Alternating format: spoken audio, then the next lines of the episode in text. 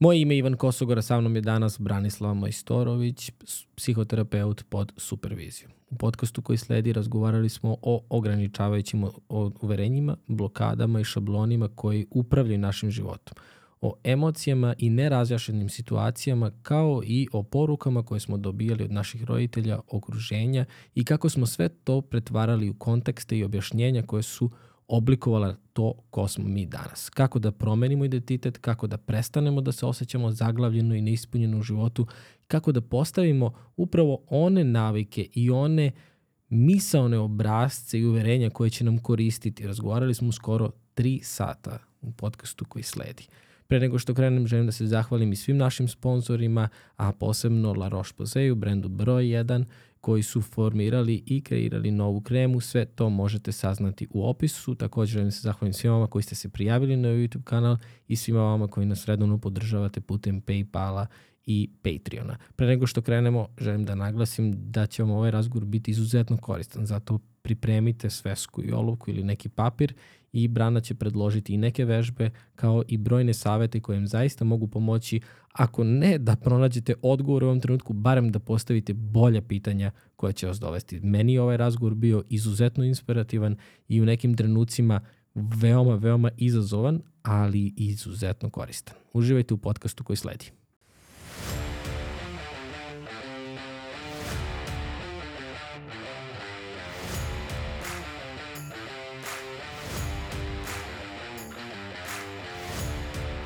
Ivan Kosogor podcast.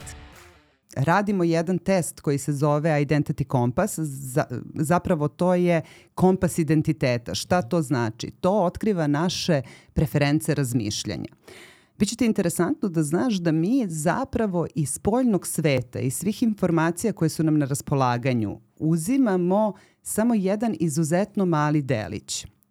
Na primjer, Šta ti misliš, evo da ti postavim pitanje, koliko mi sada u ovom datom trenutku na raspolaganju imamo delića informacija koje možemo da upijemo kroz naša čula, kroz čulo vida, čulo sluha, kroz osjećaj, miris, ukus. Šta misliš, koliko je tih informacija? Koliko tih informacija koje tih... mi obrađujemo? Ne, ne, ne. Ko, koliko, koliki, kolika količina informacija je nama na raspolaganju u svakom svakom datom trenutku. Kad kažem deliće informacije, kao biti informacije, kao kada bismo uh, ekran kompjutera uvećali pa videli one piksele. Tako i informacije su nama dostupne u tim nekim delićima, u pikselima. I šta misliš koliko je tih piksela, da tako kažem, oko nas u svakom datom trenutku? Nemam ideju. Ajde. U, uopšte, a reći ću milion. Milion. Šta ti misliš, Ema? Bilijan. Moja žena je megaloman. tako. Iz Amerike. da, da. Zapravo, mislim, negde između 311 miliona deliće informacije. U svakom trenutku? U svakom datom trenutku. E sad pazi ovo. 311 miliona deliće informacije nama na raspolaganju. Mi podsvesno usvajamo samo oko 11 miliona. I to je ono što mi zovemo osjećaj to je ono što mi zovemo intuicija. Naš, naša podsvest ili naša nesvest, da tako kažem, je, usvo, je primetilo nešto u okruženju, a mi svesno to nismo obradili. Zašto?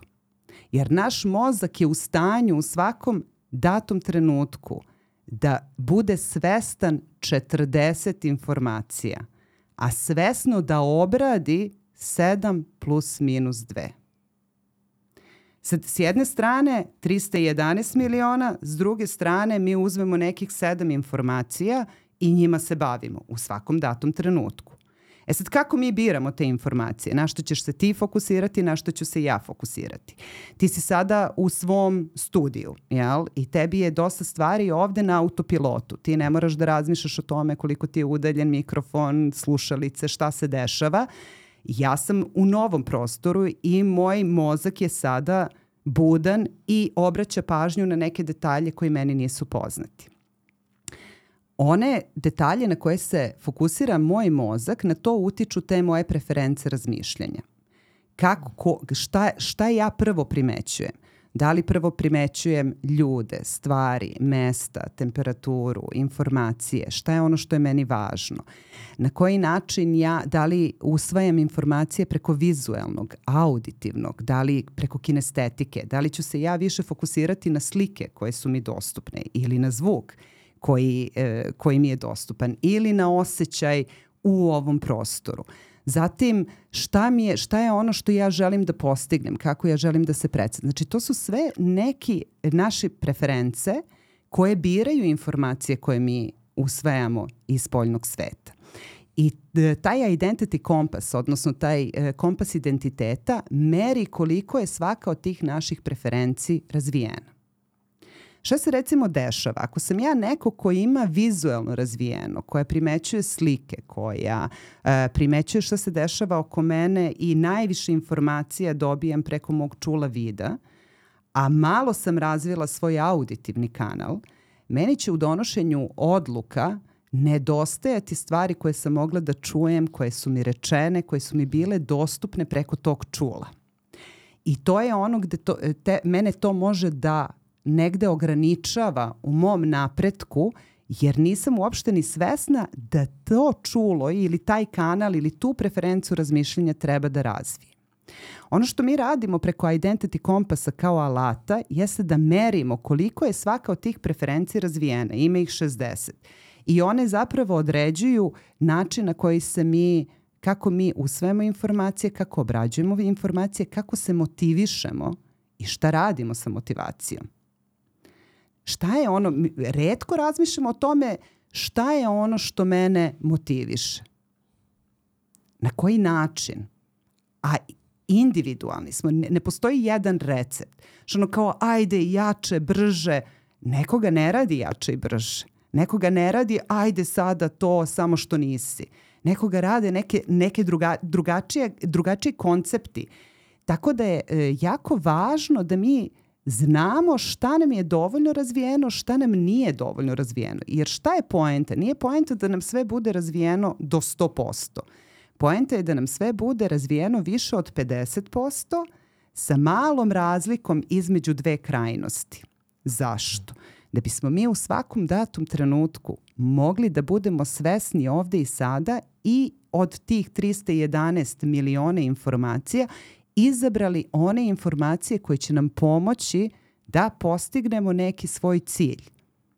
Mi svakodnevno imamo neke ciljeve, imamo neke želje, imamo neke planove.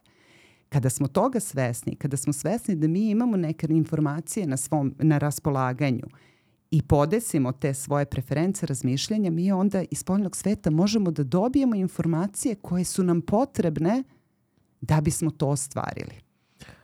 Kako se razvijaju te preference? Da li na njih utiče uh, okruženje, neki možda gen ili E, okruženje najviše. Mi e, po modelu, dosta naših preferenciji u mladosti su razvijene tako što e, obraćamo pažnju, odnosno učimo od naših roditelja. E, ono što je važno da znamo, za neke preference možda ne može kao što je to specifično kod dece, mi ne znamo kako deca stiču uh, na primjer neke ni strahove, ni ideje, ni koncepte, jer su jako mali. I u tom našem uh, malom iskustvu kada smo kada su deca mala, one imaju i jak, uh, ograničen uh, pristup informacijama, imaju ograničen pristup uh, njihov svet je mnogo manji i nedovoljno iskustva i razvijaju se neke preference. Ono što je što znamo sa sigurnošću jeste da smo do pete, šeste godine deca uglavnom preko kinestetike, preko čula, ukusa, mirisa i dodira usvajaju najveći broj informacija i to nije za začuditi. Vi imate malo dete koje verovatno sve što mu je novo prvo stavi u usta da proba da vidi da li se to jede, pa tek onda gleda šta bi drug, čemu drugom bi to moglo da služi. E, mi u zavisnosti od nekog našeg okruženja razvijamo te preference u zavisnosti od toga šta su nam recimo interesovanja, da li se bavimo sportom ili se ne bavimo sportom ili smo e, se bavimo nekim određenim poslom. Ti si verovatno uz ovaj podcast vrlo razvio svoj auditivni kanal jer je bilo neophodno da bi se bavio ovim poslom. I ono što je interesantno je da te naše preference razmišljanja mogu da budu različite u različitim kontekstima. Mi možemo da imamo u poslu razvijen jedan set naših tih preferenci razmišljanja, a u privatnom životu sasvim jedan drugačiji set jer je kontekst drugačiji. Dakle, mi se kao ličnost menjamo u odnosu na kontekst. Mm -hmm. Koliko nas to onda zbunjuje u toku dana ili mi već automatski prelazimo iz jedne uloge u drugu? Mm. Mi, pa, ako smo svesni, onda prelazimo iz jedne uloge u drugu. Ako nismo dovoljno svesni svih uloga koje mi imamo, mi onda ostajemo u jednoj primarnoj ulog, ulozi i tu ulogu nosimo u različite kontekste. Primera radi. Ako sam ja majka, ja u prisustvu mog deteta, u okruženju gde je ona, moja primarna uloga je da bude majka. I to nosi neki set mojih veština, strategija, neke moje vrednosti i uverenja, nešto što ja verujem i moj identitet majke je tu dominantan.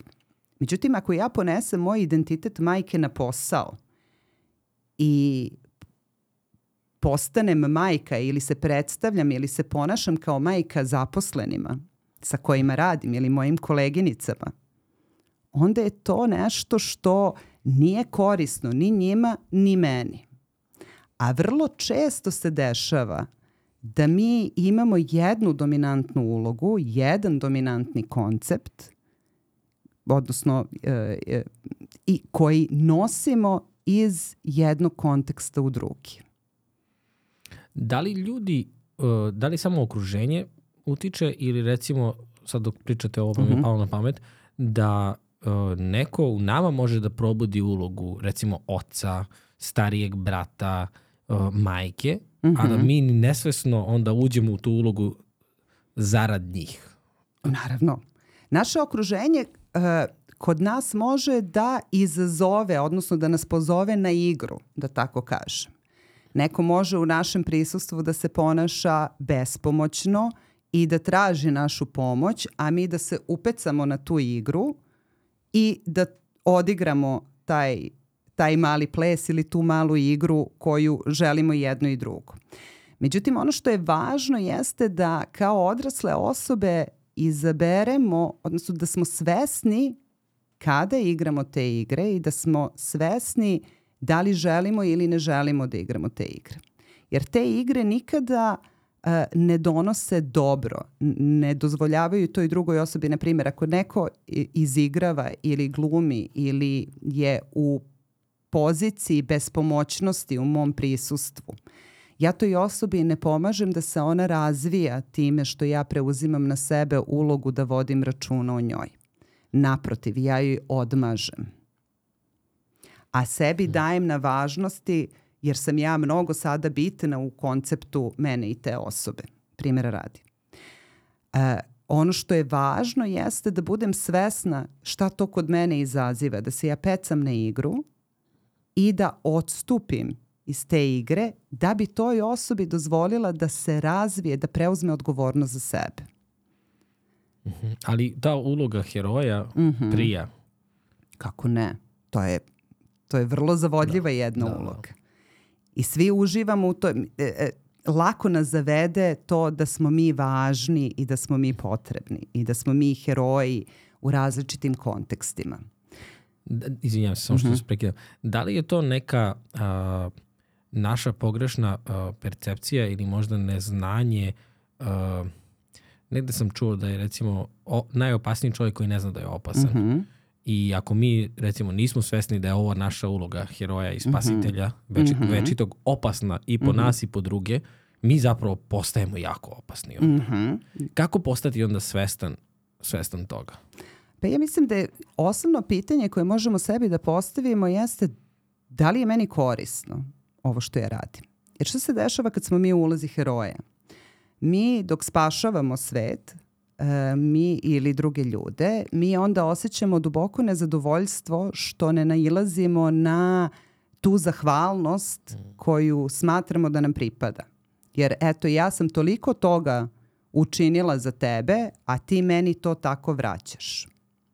Niti je ko od mene konkretno tražio da ja to uradim, niti je postignut dogovor da ako ja to tako uradim, ti, to onda, ti onda meni treba da vratiš na određeni način. Već sam ja to očekivala, posle toga moje očekivanja nisu bila zadovoljene i ja se osjećam duboko nesrećno ili se osjećam nezadovoljno ili se osjećam necenjeno, nepoštovano i to dovodi do dosta problematičnih međuljudskih odnosa. Ta neispunjena očekivanja koje niko nije znao da se od nas očekuje. Ok. A, zašto onda se upletemo u, u tu igru i kao odrasli? Ajde, jasno mi je da možda kao deca prolazimo, istražujemo mm -hmm. i mhm. tako dalje. Međutim, ako smo se već nekoliko puta opekli i stalno menjamo te svoje žrtve koje spašavamo, kad smo sad već posmatramo iz ove percepcije, uh, zar, meni sad jeste logično, ali zar nije logično da iskomuniciramo bolje? Ja bih rekla da je to neophodno. Međutim, komunikacija je nešto što nas nisu učili. Mi nismo učili da komuniciramo svrsishodno. Mi nismo učili da komuniciramo da bismo preneli poruku šta mi mislimo i kako se mi osjećamo. Mi smo učili da e, komuniciramo i verbalno i neverbalno, odnosno učili smo po modelu naših roditelja, pa smo onda skupljali delići informacije kako to neverbalno da stavimo nešto do znanja, kako verbalno da komuniciramo. I sad u zavisnosti od toga koliko su naši roditelji ili modeli od kojih smo učili bili vešti komunikatori, toliko smo vešti i mi. Nažalost, na našem području, na Balkanu, komunikatori nisu baš najveštiji jer se dosta toga podrazumeva i dosta toga je neizrečeno. Mi mnoge stvari radimo zarad drugih ljudi da bi dobili neka priznanja koje redko kad, opet se vraćamo, nama su često ovde, na primer, očekivanja nezadovoljena ili e, neuzvraćena. I ono što mi, mi rastemo sa tim konceptima koji nisu korisni. To sam sad teo da pitam, Brano, da li je onda rešenje u tome da na naše očekivanje bude ispunjeno ili da mi promenimo očekivanje? Jer deluje mi kao da je u stvari to e, ta neka borba za nagradu koja nam nije potrebna. Uh mhm. -huh. Ja mislim, e, ono što je važno da razumemo jeste da mi ne možemo mnogo što što u životu da kontrolišemo. Mi ne možemo da kontrolišemo okolnosti, ne možemo da kontrolišemo situaciju u svetu, ne možemo da kontrolišemo vremenske uslove, ne možemo da kontrolišemo uh, prilike koje dobijemo, ne možemo da kontrolišemo, po najmanje možemo da kontrolišemo druge ljude. Jedina stvar koju mi možemo da kontrolišemo smo mi sami. Znači, jedino što ja mogu, či, nad čim ja imam 100% kontrolu, jesu moje misli i moje emocije, moje dela. To je ono što ja mogu da kontrolišem. Ja biram šta ću misliti ili imam pravo da izaberem šta ću misliti, imam sposobnost da izaberem šta ću da mislim i kako ću se osjećati. Ako ja odaberem da za nekoga učinim nešto, a biram da učinim to da bi taj neko meni vratio na drugačiji način, onda je moja odgovornost da ja to iskomuniciram vrlo jasno. Ja ću za tebe učiniti to, a od tebe očekujem to. Ako ja to uradim bez da sam jasno iskomunicirala šta ja očekujem od te druge osobe, onda je važno da budem svesna toga da ta osoba to meni možda nikada neće uzvratiti i da budem ok sa tim. I da dajem samo onoliko koliko mi nije žao. Ok, ali ako se postavi odnos tog tipa koji je uh, koji nije toliko otvoren. Dakle, mm -hmm. ja sam, nisam iskomunicirao ili uradio sam to sa nekim pritajnim očekivanjem da će neko prepoznati i uzvratiti im istom uslugom. Zar onda ne dolazimo u neku vrstu uh, straha da uh, se potajno, da potajno čak i znamo da taj neko to neće nama učiniti, pa da prkosimo i onda uh, razna neka ponašanja mi percepiramo na, na neki svoj način. Na primjer, neko u, u toku svađe i neko izađe i zalupi vratima i ode. Mm -hmm. I sad mi to iz, iz naše perspektive napravimo film koji izgleda kao uh, pobegla je iz ove mm -hmm. konverzacije. Međutim, ili pobegao je. Međutim, partner, drug, prijatelj, šta god, je to uradio iz prostog razloga što su njegovi roditelji na taj način završavali svaku svađu i za njega to nije bio bežanje, za njega je to bilo nastavak dalje. Jer mm -hmm. nakon svađe neko izađe zalupi vratima, posle sat vremena, dva, sedimo svi ručama kao da se ništa nije dogodilo. Jedna identična situacija protumačena na potpuno dva različita načina me uh, dovodi me do, do, do razmišljanja da li zapravo mi stvarno možemo da kontrolišemo naše misli i naše, naše emocije u toj situaciji, jer naši filmovi kontrolišu to. Van, van onoga što je stvarno realnost. Znači, mi stavljamo kontekst koji kasnije upravlja našim narednim odlukama koji nemaju veze sa, sa životom i sa tom trenutnom situacijom. I onda kada neko kaže, a često se to i, i pogotovo u popularnoj psihologiji govori, eto, ti možeš da doneseš odluku, ti možeš da kontrolišeš samo svoje misli, svoje emocije, ali ja ne kontrolišem svoje emocije u trenutku kada neko uradi nešto što i sam ja protumačio na pogrešan način. Ne znam, malo sam zakomplikovao, ali ovi odnosi jesu komplikovani. Ali Razumem što pokušam, me pitaš. Da, e, to. Hoće, uh, identity kompas o kome sam pričala i te naše preference razmišljanja na, uh, u toj našoj komunikaciji ili naš uh, model komunikacije, mi svesno imamo neke svoje stavove, neka svoje učenja, neko svoje, neka svoje razmišljanja. I biramo informacije iz spoljnog sveta na osnovu toga. Ono što se nalazi ispod vrha ledenog brega su naše vrednosti i uverenja. Tvoje uverenje je da svaki put kada neko izađe i zalupi vratima, to je beži, jer su tako bežali tvoji roditelji ili se tako završavala svađe u tvojoj kući ili si to gledao po modelu svojih roditelja, kako god. I to za tebe znači ova osoba beži iz odnosa. To je tvoje uverenje osoba koja je izašla kroz vrata i zatvorila ih malo jače je samo to uradila. Ti si dao značenje toj situaciji na osnovu svojih vrednosti i uverenja. Kada mi primetimo da to što neka druga osoba radi kod nas okida bes, tugu, nezadovoljstvo, razočarenje, važno je da se vratimo sebi i da vidimo, ok, šta ja čitam iz tog ponašanja. Da pojednostavimo, dešava se da neko pošalje poruku i neko je sinovao poruku i nije odmah odgovorio. I osoba koja je poslala tu poruku odmah počne da snima filmove da je osoba ljuta, da ne želi da odgovori, da je ne voli čitav jedan niz nekih konteksta jer poruka, na poruku nije bilo odgovoreno odmah. Druga osoba je možda u, u saobraćenoj gužvi, u nekoj sobstvenoj frci, u nekom sobstvenom filmu ne stiže, ne smatra da je važno, ne odgovara na poruku, zaboravio. U krajnjoj liniji to je okej. Okay. Neko je zaboravio da mi odgovori na poruku ono što ja stavljam u kontekst toga što je neko zaboravio, govori o to o mojim vrednostima i uverenjima, govori o onome što ja verujem za, pre svega za sebe, da neko mene može da zaboravi, da neko mene može da ostavi, da neko je na mene ljut, a ne ono što se zapravo desilo kako kontrolisati te kontekste? Ovo je sjajan primjer, zaista. I može i to, toliko jaka misao može biti da zaista se telesno ispolji, da se mhm. neko razboli, da mu bude muka. Yes. Da, da ono, ne može da spava, da, da se promeni metabolizam. Kako onda kontrolisati tako jaku silu? Šta je onda, mislim, možda je ovo pitanje od milion dolara, ali ovo je takvo pitanje postavljamo ovde. Oh, wow. ali ka, stvarno, koje je onda da li se treba braniti od tih konteksta, da li treba uh, ovladati tim kontekstima, šta je, šta je ključ tu?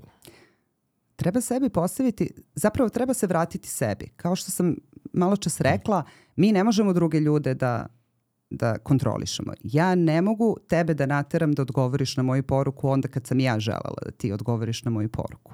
Ono što ja mogu jeste da zapitam sebe zašto je meni važno da ti meni odgovoriš na poruku u roku od dva minuta. Šta ja verujem da ti time meni govoriš? I da li je to tačno? Koliko se puta desilo da ti je neko u roku od dva minuta odgovorio na poruku, a to je osoba koja ti niti, niti je važna, niti te voli, niti ti voliš tu osobu. A mi smo spojili dva koncepta. Odgo odgovara mi na poruku ili na poziv odmah, znači voli me ili znači važna sam. Ne odgovara, znači nisam važna. Te dve stvari nemaju nikakve veze jedna sa drugom. To samo u našoj glavi ima vezu. Ništa na ovom svetu a priori nije ni pozitivno ni negativno, dok mi o tome nemamo misao. Jer kako bi onda ista situacija za nekoga bila pozitivna, a za nekoga bila negativna? Neko dobije otkaz, neko dobije, je primljen na to mesto. Sad za jednu osobu je to strašan kontekst, jel? Za drugu osobu sre, najsrećniji dan te godine. Kako je to moguće? Zato što mi imamo, mi dajemo značenje šta ta situacija ili kako ta situacija obeležava mene, pojednostavljujemo se sa nekim, sa nekim stvarima koje nisu prirodne. Ja vredim onoliko koliko imam. Pa ako imam više, ja vredim više. Ako imam manje, ja vredim manje. Ne, ja vredim. Tačka. Biće trenutak u životu kada ću imati više, biće trenutak u životu kada ću imati manje. To ne menja moju vrednost ljudskog bića. Ja sam uvek jednako vredna. Isto tako, ja vredim tačka. Da li mi je neko odgovorio na poruku ili mi nije odgovorio na poruku, ne menja moju vrednost kao osobe. Da li je navigator test uh, zapravo neko, neko pisanje ili otkrivanje mape tih naših značenja? Sam dobro onda razumeo to? E, navigator je test koji nam e, otkriva šta mi, na koji način mi, na koje se informacije mi fokusiramo, gde nam odlazi mhm. fokus i šta naš mozak radi sa tim informacijama. E, ovo čemu ja sad pričam se, se više odnosi na vrednosti uverenja. To su te neke istine po kojima mi živimo, pogotovo naše uverenje, koje smo mi nasledili od svojih roditelja, od konteksta u kom smo živeli, od okruženja u kom smo živeli. I verovatno ti i Ema na dnevnom nivou nailazite na različita uverenja jer ste živeli u dve, dva različita kontinenta. Imali ste različita e, različite kontekste, različite modele, različite, različito detinstvo. I ono što je možda za nju normalno, obično i pristupačno, za tebe je wow. Za decu, za većinu dece u Americi odlazak u Disneyland nije sad neki praznik, bog zna kakav. Mislim, okej, okay, kao, važi, idemo ili u neki zabavni park. Za nas je to, mi smo našu čerku vodili skoro u Šangaju u Disneyland, ja sam bila više uzbuđena nego ona u ovim godinama. Jer se, jer se moj san ostvario. Ja sam otišla u Disneyland. Mala Branka koja je maštala o Disneylandu je otišla u Disneyland svojih 48 godina. I to je, e, sad to uverenje, da li je to za mene moguće, nije moguće, to je nešto što se, e, e, im, kako bih rekla, usadi u nas dok smo jako mali. I mi nekada te naše istine ne preispitujemo. Mi se njima ne bavimo. Ja verujem da sam takva, pošto sam ja iz Srbije, odrasla u Srbiji, primjera radi.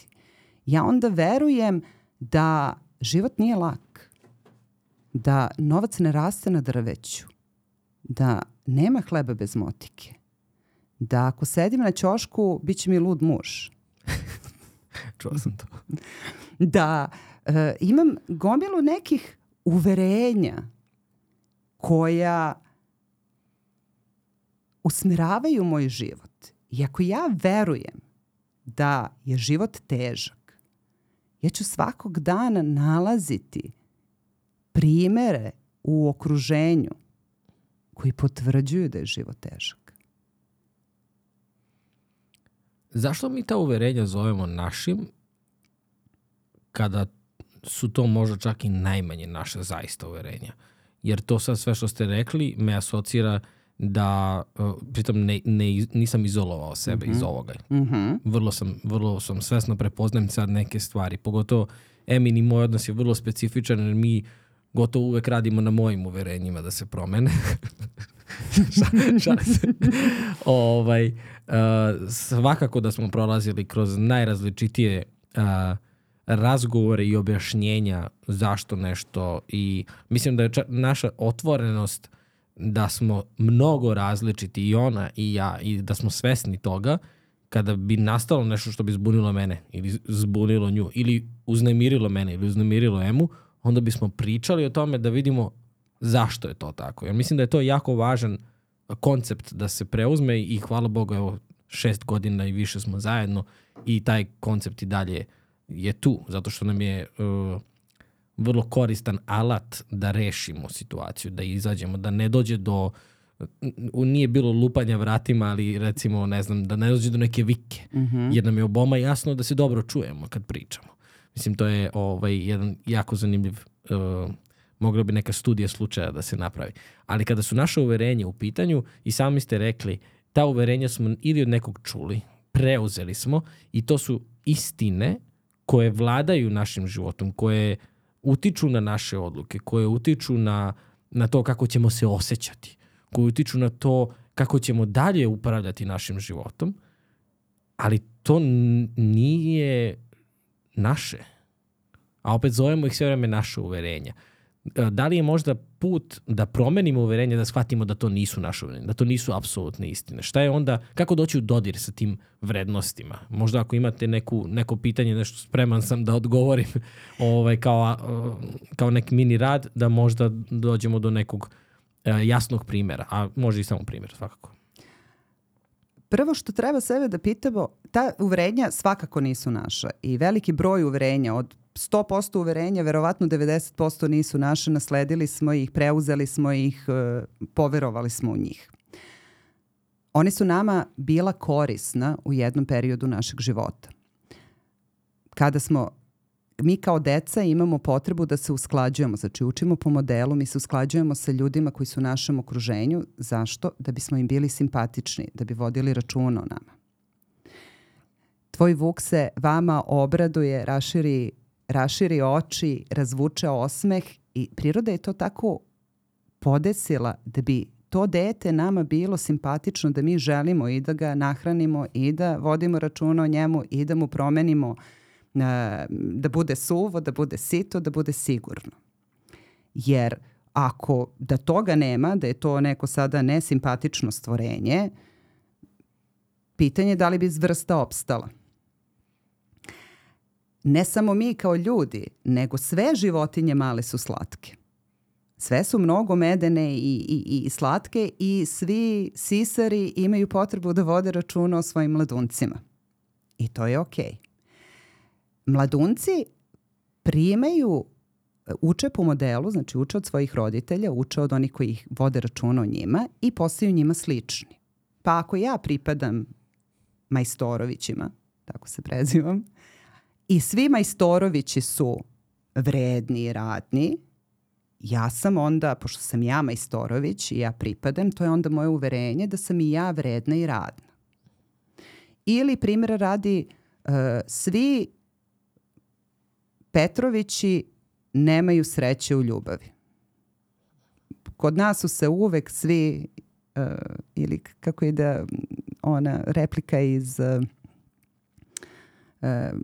maratonci trče počasni krug.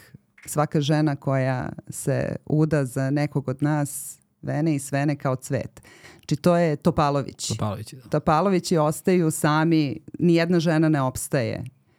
Mi podsvesno biramo prilike iz spoljnog, mi biramo iz spoljnog sveta ono što će potvrditi našu istinu. Kada mi to dovodimo u pitanje? Onda kada to meni više ne daje rezultate to moje uverenje meni više ne daje rezultate koje ja želim. Sve dok mi uverenja daju rezultat, sve dok ja živim život koji želim i sve dok sam ja uspešna u svemu onome što radim, ništa ne treba menjati. Međutim, onog trenutka kada ja vidim da negde, da kažem, kolokvijalno trokiram, da ja šlajfujem, da sam se ja zaglavila, da ne mogu nekako da izađem, da se osjećam nezadovoljno, da se osjećam neproduktivno, da se osjećam prosto da mi je tesno u mojoj koži. Tad je vreme da počnem da se bavim uverenjima koja oblikuju moju stvarnost. Jer svi mi živimo u istom svetu. Jel? Pa kako je onda moguće da neki žive ispunje neki život i zadovoljni su svojim životom, a neki nisu? Samo još jedno, da li je to što se mi imamo utisak da je neko ispunjen i zadovoljan je često isto lažna slika. Odnosno onaj mali delić koji mi vidimo i percepiramo, on mora da je srećan jer vozi taj auto ili on mora da je srećan jer ima toliko pratilaca na Instagramu ili šta god. Ali to ne mora da znači da je on. To je isto jedan paradoks kako mi sebi napravimo još veći teret da moramo da budemo, ponašamo se, izgledamo kao neko drugi da bismo, se, da bismo onda dos, došli do te sreće. Da, jer dozvoljavamo da neke spoljne stvari nas definišu. Da to cena mojih cipela i torbe govori o tome koliko ja vredim. Kola koje ja vozim govore o tome koliko ja vredim. Ne. Ili meni govore koliko neko vredi. Ne. Ko je taj čovek? Kad skinemo sve te maske, kad oduzmemo to, ko sam ja? Šta je meni važno? Da li je meni važno da ja vozim bolja kola? Ili je meni važno da mogu sa detetom da odem u Disneyland? Da li je meni važno da živim u 150 kvadrata, 300 kvadrata ili je meni važno da putujem? Pojenta je što je važno da mi sebi postavimo pitanje šta mi hoćemo. Šta je ono što nas čini srećnim. A ne da se osvrćemo na te neke koncepte koje nam nameće društvo da bismo bili potrošači. Jer sve dok sam ja nezadovoljna, ja ću shoppingom da lečim svoje nezadovoljstvo. I sve dok ja verujem da ako budem imala još samo 10 kvadrata više ili još samo malo bolji auto ili još samo malo bolji telefon, ja ću biti srećnija. Ali ta sreća ne dolazi. Dođe i taj auto i taj stan i taj telefon i ta, te cipele i ta torbe. Sve, sve je to dostižno ako nam je to cilj. Nažalost, to, to zadovoljstvo, odnosno ta sreća ne dolazi sa tim dođe instant osjećaj u super i onda je sutra opet se vrati to nezadovoljstvo. Jer nisam otkrila svoju svrhu. Nisam otkrila šta to mene čini srećnom. Šta to mene čini, možda ne srećnom, nego zadovoljnom. Šta je ono što ja želim, šta je ono zbog čega se ja budim svako jutro? Zbog čega ustajem iz kreveta? Šta ću ja postići taj dan? Kako ću ja doprineti, kako ću se ja ostvariti. I to je različito za različite ljude.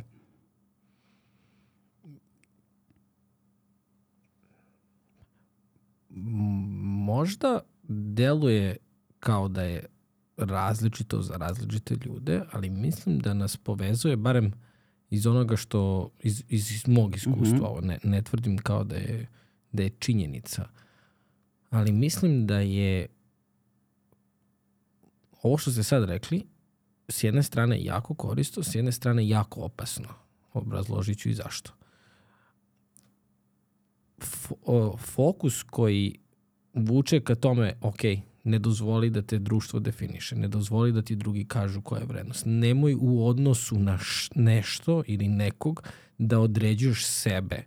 Kad neko kaže uh, zakasnio sam 30 godina, ništa nisam uradio. Zakasnio si u odnosu na koga? Ili brzo mi je to došlo? Došlo ti u odnosu na šta?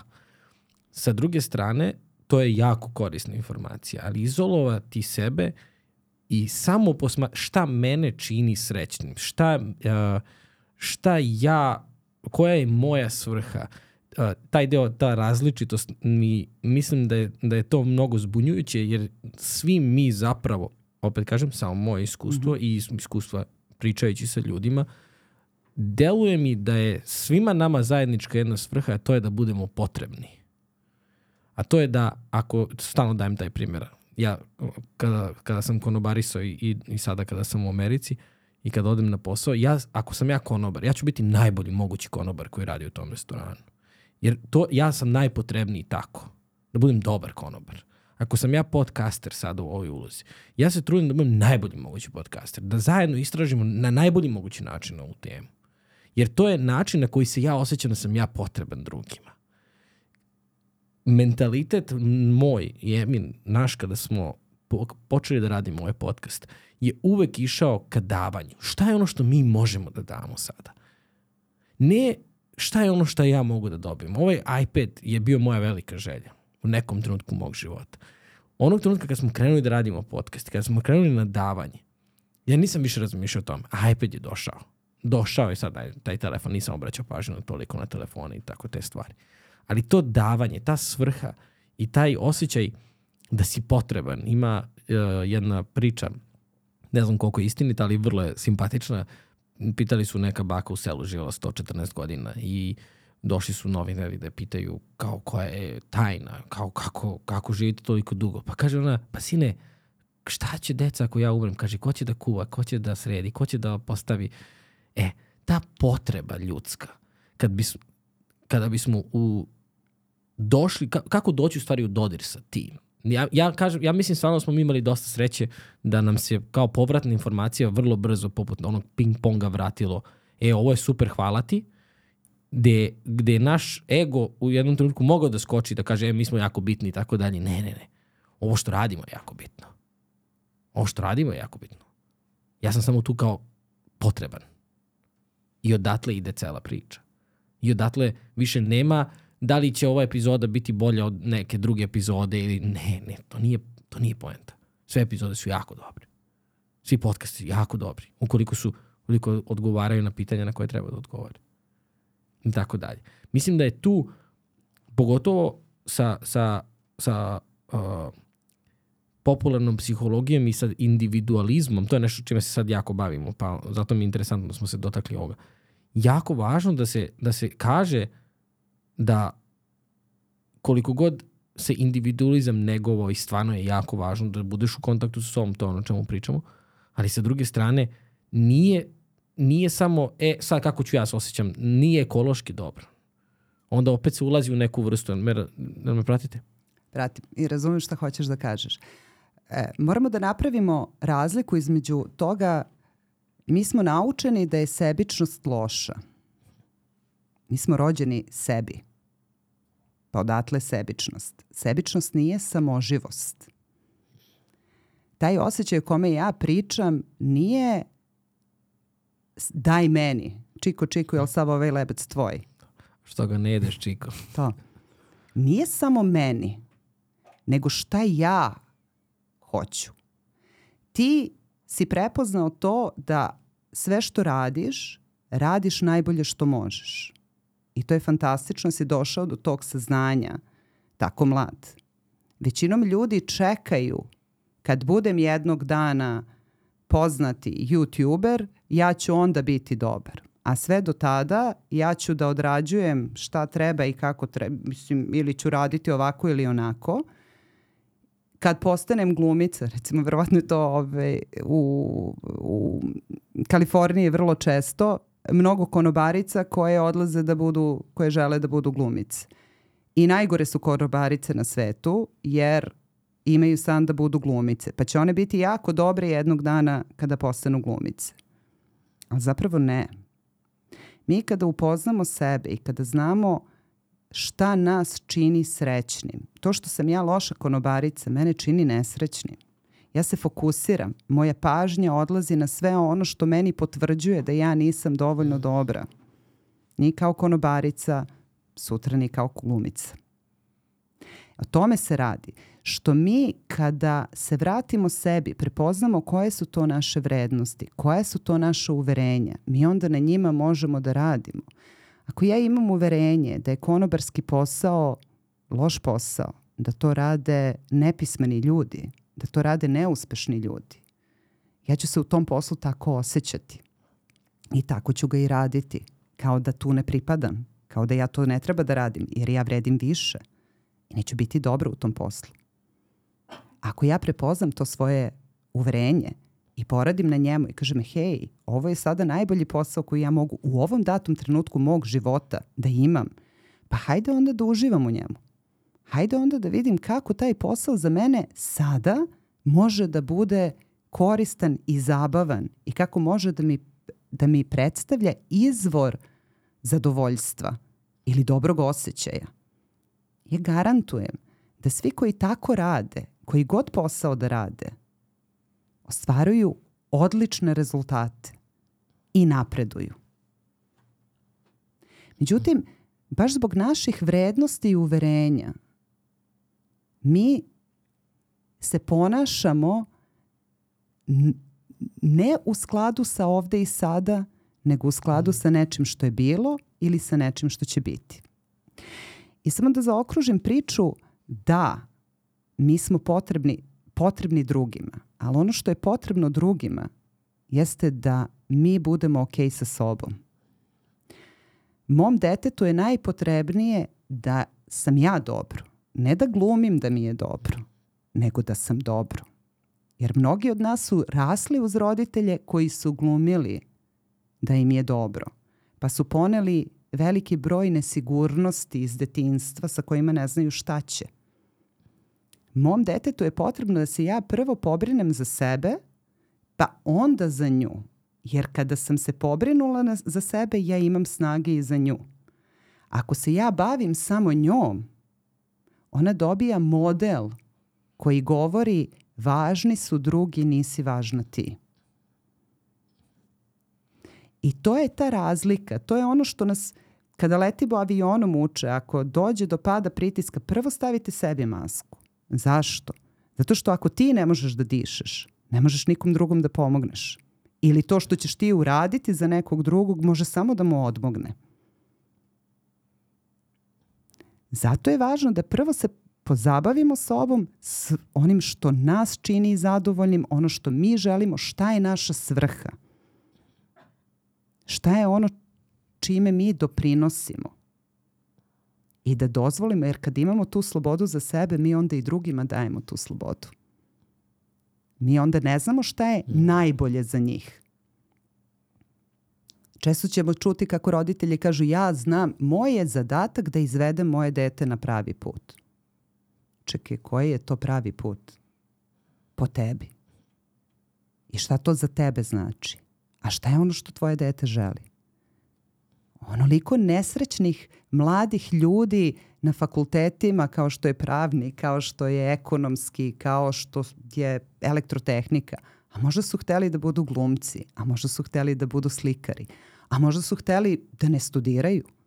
Ali je neko znao šta je za njih najbolje. jer je živeo po nekim modelima koje je neko nametnuo. Samo da se opet samo vratimo na taj o, odbranu od konteksta mm -hmm. tih. Kako se onda, kako doći u dodir sa, sa vrednostima.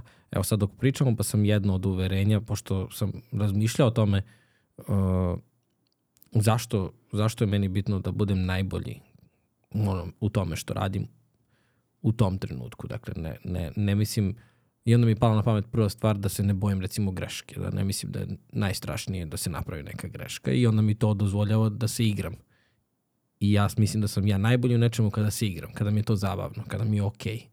I možda kao neki dar, ako sam nasledio od, od mojih uh, roditelja, to je ta sloboda da, da se igram i da u svemu što radim da mi bude zabavno. To mi je jako važan faktor. Jedno od uverenja mi je to, na primjer. Uh, A drugo uverenje mi je da kako radiš jednu stvar, tako radiš sve stvari. Tako da nekako bi mi bilo dvolično da ako se trudim iz sve snage da budem dobar podcaster, a da uh, kada se završi ovaj razgovor i kada vi odete kad ja ostanem sa Emom, da ne budem najbolji suprug mogući u tom trenutku. Nekako mi to deluje kao da se cepam. A ranije sam se vjerojatno i cepao, pa sam se tu i opekao. Zašto se onda, u stvari, na osnovu čega mi biramo koja će nam uloga biti dominantna? Zbog čega smo nekada na jednom mestu jako dobri u tome što radimo, a potpuno možda neki primer bi bio da recimo ako je neko jako uspešan u svom poslu i direktor je neke velike firme, ali porodica mu se raspada. On može da recimo da vodi ljude i da vodi milionske neke budžete, a kod kuće ne može sa sinom da priča ili sa ćerkom da priča ili sa ženom. Gde, gde se tu onda javljaju ta uverenja? Može biti da smo učili po modelu, može biti da smo iz nefunkcionalne porodice, a kad kažem nefunkcionalna porodica, mi smo, mnogi od nas su iz nefunkcionalne porodice gde su roditelji živeli zajedno i dočekali staro zajedno i možda su i dalje zajedno. Ali su nefunkcionalni. Mi nekada se foku, tolik, toliki fokus stavimo na jedan segment svog života i svu svoju snagu tu usmerimo da bismo dokazali sebi, društvu, roditeljima, obično prijateljima iz detinstva, kome god da mi vredimo. I onda nemamo snage ili nemamo prosto ni interesovanja da se bavimo porodicom, jer je porodica nešto što jedan uspešan čovek ili žena treba da imaju. Daću ti primjer jedne moje klijenata koji su se venčali i živeli su, imali su divan brak, njih dvoje, dok nije došlo dete. Kad je došlo dete, počelo je, počele su svađe, počelo je nerazumevanje, raskol između njih dvoje i kada smo porazgovarali o tome, oni su sve vreme tvrdili da oni imaju i iste vrednosti, da je njima i jednom i drugom vrednost porodice izuzetno važna i na visokom mestu. Međutim, njena definicija porodice i njegova definicija porodice su bile dve različite stvari. Po njemu, porodica je žena kod kuće vodi računa o detetu, a muškarac ide, zarađuje, bavi se poslom i nema tu mesta za ženu u njegovom poslovnom kontekstu. Za devojku je bilo mesta ili za ženu bez deteta je bilo mesta na poslovnim večerama, na poslovnim putovanjima. Za ženu sa detetom tu više nema mesta. U njenom, njena definicija vrednosti porodice jeste oboje vodimo računa o svom detetu, oboje imamo obaveze oko kuće i oboje razvijamo svoju karijeru.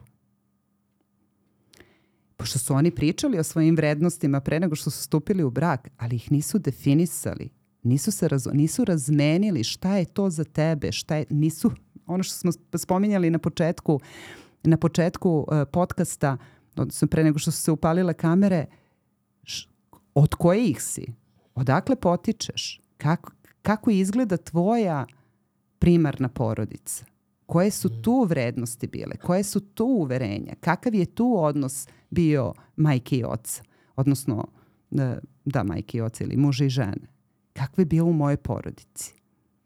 I da vidimo da li je to što mi očekujemo od naše porodice ili smo spremni da menjamo ta uverenja i da usklađujemo svoje vrednosti. Da li mislite da je da svako mora biti spreman da menja svoje uverenja?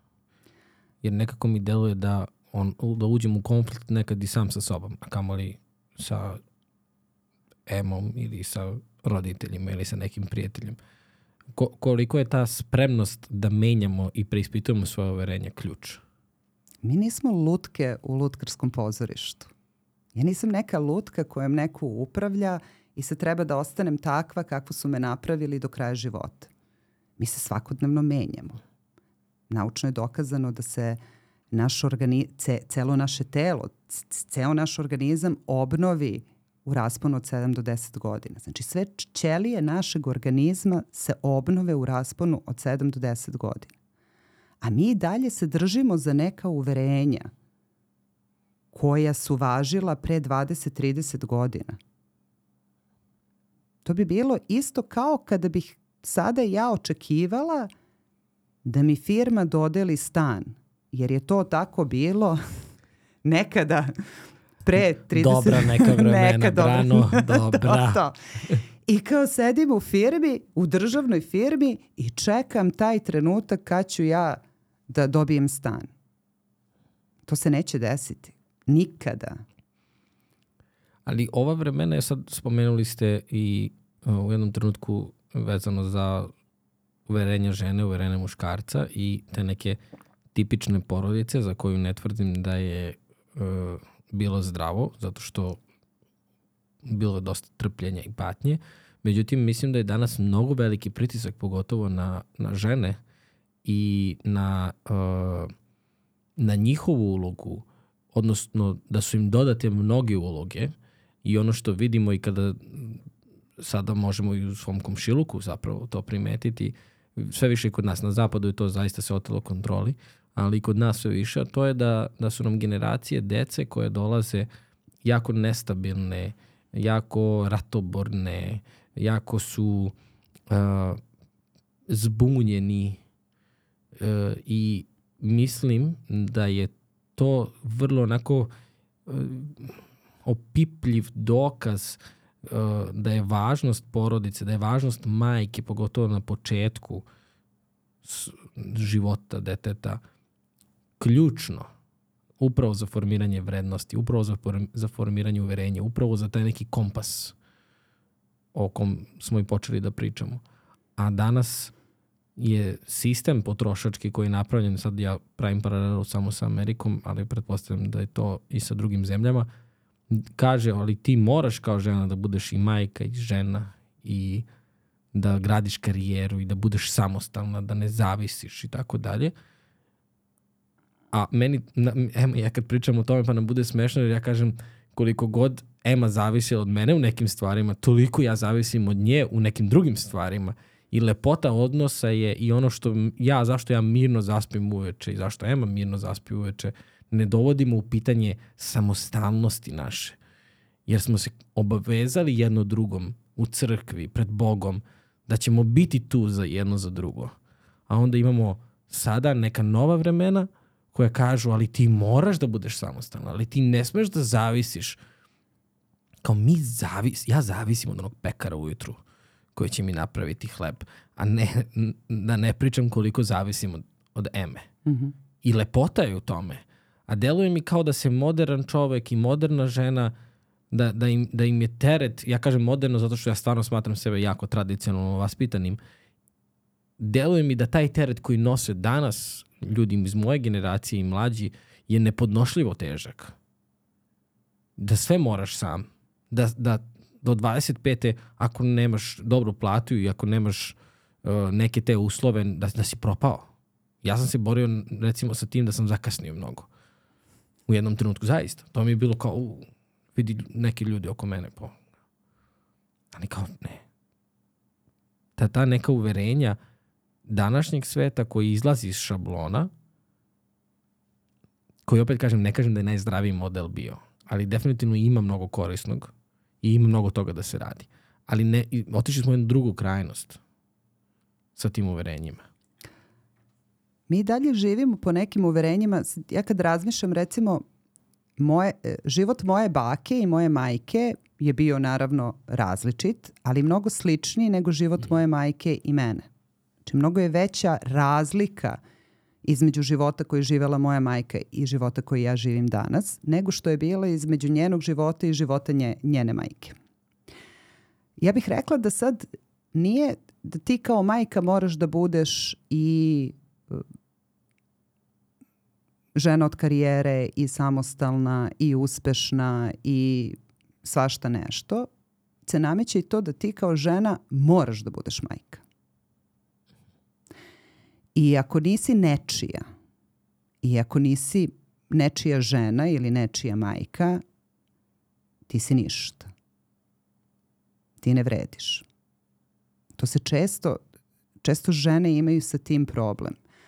A došli smo u situaciju da nema puno, pogotovo na našem podneblju, to je sad vrlo ovako škakljiva tema, e, nema puno emotivno zrelih muškaraca. Ono što ja prepoznajem na našim recimo edukacijama jeste da na zapadu, na edukacijama koji se bave ličnim razvojem ili razvojem bilo kakvih veština, uglavnom dolaze muškarci ili je 50-50. Kod nas je 90% žena i 10% muškaraca. Muškarci se mnogo manje bave sobom, svojim vrednostima, svojim uverenjima. Oni su takvi kakvi jesu. My way or the highway ili takav sam kakav sam. Zavisi koliko ostaneš kod majke u kući. Pa ja mislim da predugo kod da. nas ostaju i, i muškarci pogotovo, a i žene. Mi očekujemo sada da dete ostane u stanu, jer što bi se se jadan? Što bi on sad išao u podstanare ako ima svoju sobu i mama mu pere, sprema, kuva, završio je fakultet, zaposlio se i onda iz tog ušuškanog doma se on ženi i odlazi tamo očekivajući da neko preuzme brigu o njemu. On nije sazreo kao muškarac. On nije ne kao muškarac, nego kao pojedinac. Šta ga je sprečilo? Da, ovo je baš dobra tema. Sprečila ga je uloga majke. Sprečila ga je, e, sprečilo ga je to ja ću da vodim računa o tebi. Ali koji je to onda kolektivni strah? Jer sa jedne strane imamo to ovde, što je jako prisutno, jako. A sa druge strane imamo na zapadu decu koje odlaze kao tinejdžeri sa 16-17 godina, žive sa cimerima, vrlo lako skreću s puta, drogiraju se, ne mogu da izađu iz tog začaranog kruga. I mi sad imamo dva začarana kruga i pričamo, na zapadu je mnogo bolje, može zaraš puno više para, ali ovde mi imamo porodicu, na kraju krajeva ne osjećaš se toliko usamljen. Na, u Americi ja imam nekoliko drugara koji imaju, no, Brandon je, ja mislim, 23 godine, on 8 godina živi sam već sa, sa nekim cimerima i tako dalje, bez dodira sa porodicom. Otac mu ima, ja mislim, treću ženu, ima petoro, šestoro uh, bra, polu braće, polu sestara. Ne može da se povata. Mm -hmm. Ne može da izađe. On nikad neće moći da kupi svoju kuću. Nikad neće moći da... On će zauvek biti postran. On to zna. On mi to priča. Nisam, ne, nisam, nije donet zaključak. Znači, s jedne strane imamo jedan taj potpuno ekstrem koji ih, ih dovodi do ludila, zaista. I to su njihove reči, ne moje. Mm -hmm. I kod nas imamo to a to je nesposobnost da budeš sam. I kada imaš 35 godina i kada imaš 45, nebitno je posao, nebitno je, opet si nesposoban da, da izađeš iz toga. Šta bi bila ta neka zlatna sredina? Hajde da filozofiramo. Mm -hmm. Redak je slučaj. Šta je zlatna sredina? Šta je onda to kolektivno kod nas loše, kod njih, a šta može da bude dobro iz svega toga? Gde bi bio, gde bi bio put neki? Mislim da je zlatna sredina da mi od shvatimo prvo da naša deca nisu naša deca. Da su oni individue, pojedinci koji imaju pravo na svoj život, na svoje želje, na svoje prohteve, na svoje ciljeve, na svoju sreću. Prvo to. Da smo mi tu da im pružimo mogućnosti. Da je moj zadatak da ja mom detetu pružim različitosti da može da vidi da oseti, da iskusi, da ode i u pozorište, da pročita knjigu, da ode na koncert i klasične muzike i zabavne muzike, da čuje i ovo i ono, da otputuje i vamo i tamo, da je upoznam sa što više, da joj pružim ono što, što sam ja, kao primer. Jer ako ja želim da moje dete bude bolji čovek od mene, ja moram da budem dobar čovek ja moram da budem bolji čovek. Neće moje dete ne konzumirati cigarete zato što i ja to govorim dok mi cigareta viri iz usta i viče me nemoj da budeš ko majka, nego ti nemoj, nemoj kao ja, nego ti drugačije. Ona će čuti moje reči, ali vrlo verovatno će završiti vrlo slično kao i ja, jer uči po modelu. Ako ja želim da moje dete bude, to je ta odgovornost kod imanja de, lična odgovornost kod roditeljstva. Što ja ne rađam dete za moje roditelje, ja ne rađam dete zbog drugih, ja rađam dete zato što sam spremna da imam dete i da mu se posvetim. A zašto je rađanje deteta postalo socijalno pitanje? Uh, ajde opet ograničavam se samo, za mene je potomstvo jako važno. Možda, čak bih rekao i najvažniji aspekt kao čoveka je da ostavim potomstvo. Dakle, svi ovi podcasti su super, sve što mi budemo stvorili je super, ali iskustvo koje imamo kao roditelji je nemerljivo. Ne, ne, ne može da se uporedi sa nečim. Neobjašnjivo mi je da se uopšte bavimo vi i ja danas, ali i ovaj, ljudi u svetu sa, sa tim pitanjem i nametanjem. Malo pre ste rekli da se danas nameća ženi da mora da bude majka. To je vrlo, da, sad, da se vratimo 100 godina nazad, to bi bilo vrlo ne, neshvatljiva izjava ljudima tog vremena. Kako, zašto mislite da smo, da li je to produkt potrošačkog društva u kom živimo, da li je to produkt nisam neki preveliki o teorijama zavere o, stručnjak, ali definitivno je da postoji propaganda. Definitivno je da se neke stvari menjaju i da nas bajke nisu odvele u neki sre, živeli srećan do kraja života, ali nas ni ovo što se sada dešava ne vodi u nekakav srećan kraj. E, da li je ostavljanje potomstva kao što je recimo ostalim sisarima koji ne bave prošlošću i budućnošću kao mi, da li je njima to prirodno, da li nama onda to zapravo nije prirodno toliko, već je socijalna potreba ili je zapravo nama naša prirodna potreba da imamo potomstvo ukoliko je to moguće, ukoliko smo zdravi, ukoliko su parametri kako treba. Mi kao emotivno zrele osobe, odrasle emotivno zrele osobe, donosimo odluku da imamo potom, potomstvo. Ono što se dešava u svetu sada ili često se dešava da se nama potomstvo dešava. Da mi ostajemo u drugom stanju iz nekih razloga koji nisu želim da budem majka ili želim da budem otac, nego to tako treba. Očekujemo od tog deteta često da to dete reši neki problem. Da to dete, da dolaskom tog deteta se nešto u našem životu promeni. Da se mi promenimo. Da uh, i zato mi prenosimo mnoge frustracije, mnoga ograničavajuća uverenja, mnoge mno, veliki teret na tu decu. I zato nam se sada dešava ovo što nam se dešava. Ako ja nisam dobro, ja ne mogu da budem dobra majka. Ja ću, se zbri, ja ću zbrinuti to dete. Moje dete osjeća moju vibraciju. Moje dete osjeća moju emociju. Ono je raslo u meni. Pogotovo kada je malo. Ono zna kada je meni dobro, kada mi nije dobro. Ako sam ja u grču sa tim detetom u naručju, to dete osjeća, to ostavlja trag na njemu. Sad ne pričamo o ekstremnim situacijama sa kojima su suočene sada neke majke širom sveta u, rat, u ratnim podnebljima koje prosto tako je.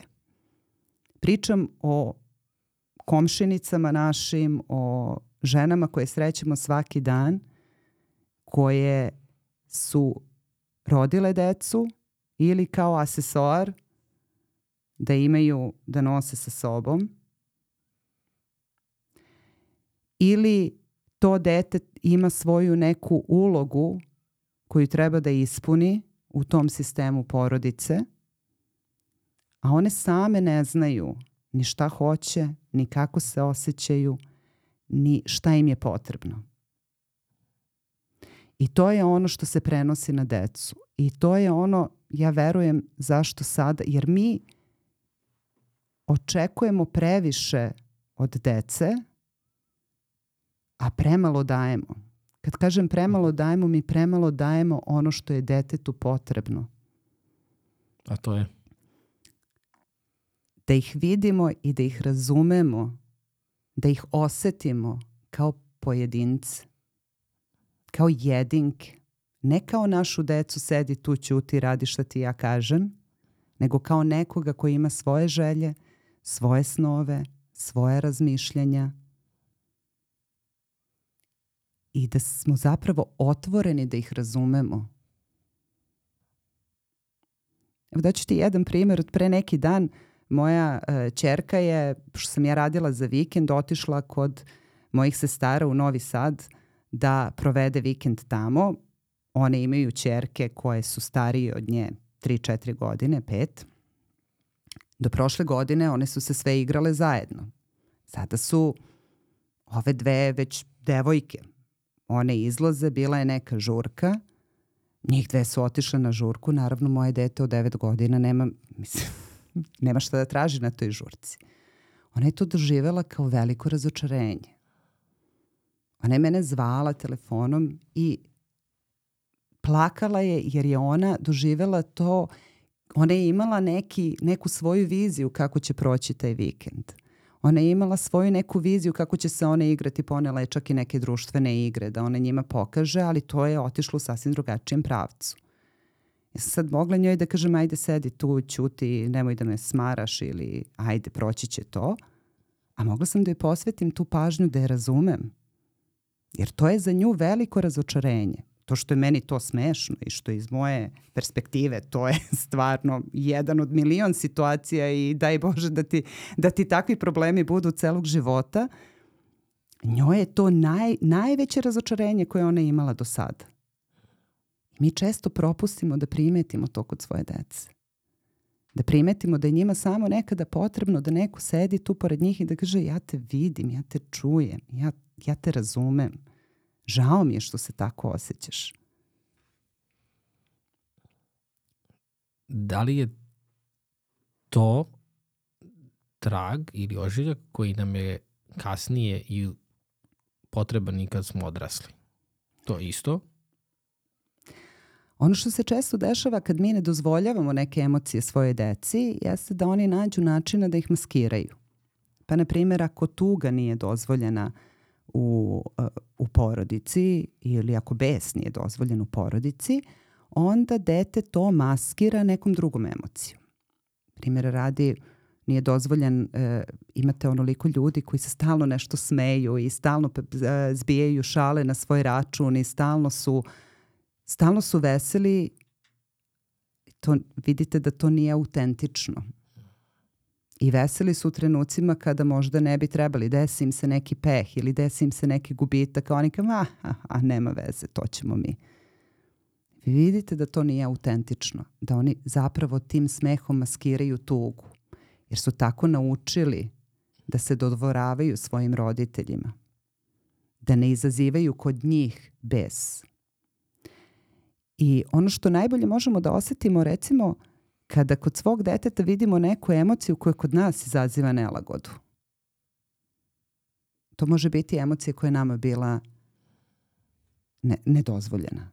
Kada dete plače, a mi sad želimo da dete prestane da plače. Ono ne.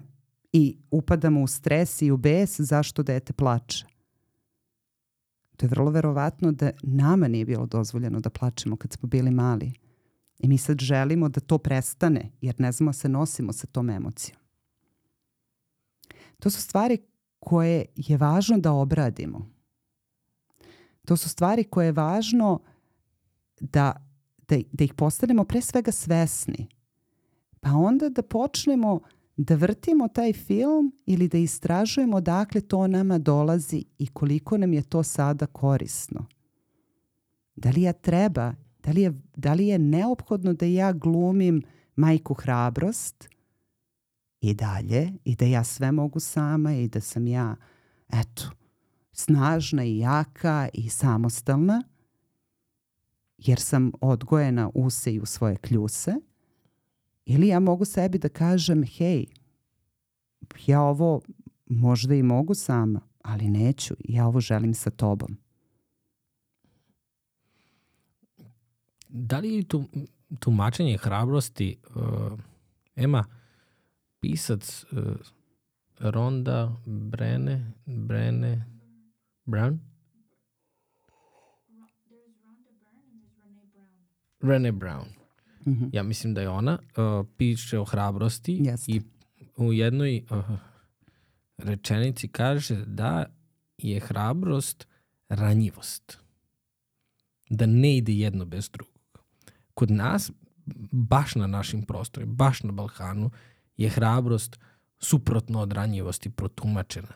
Ja, ja mislim da nas to kanali najstrašnije moguće, jer tumačenje nečega, kako mi to definišemo i kako mi to vidimo, mi se tako i ponašamo. To je ovo što sam barem izvukao iz ovog našeg razgovora do sada. Jeste. Ako pogrešno tumačimo hrabrost, onda je to karika na koji se nadovezuju sve ostale pogrešne i odluke i uh, ponašanja koje mi projektujemo kako na svoju decu, tako i na svoje partnere, ljubavi, života, prijatelje i tako dalje. Kako biste vi definisali hrabrost? Pa pre svega za ranjivost je potrebna ogromna hrabrost. Potrebna je velika hrabrost reći ja ne mogu. Ogromna hrabrost reći mene ovo povredilo. Mene ovo boli. Autentično.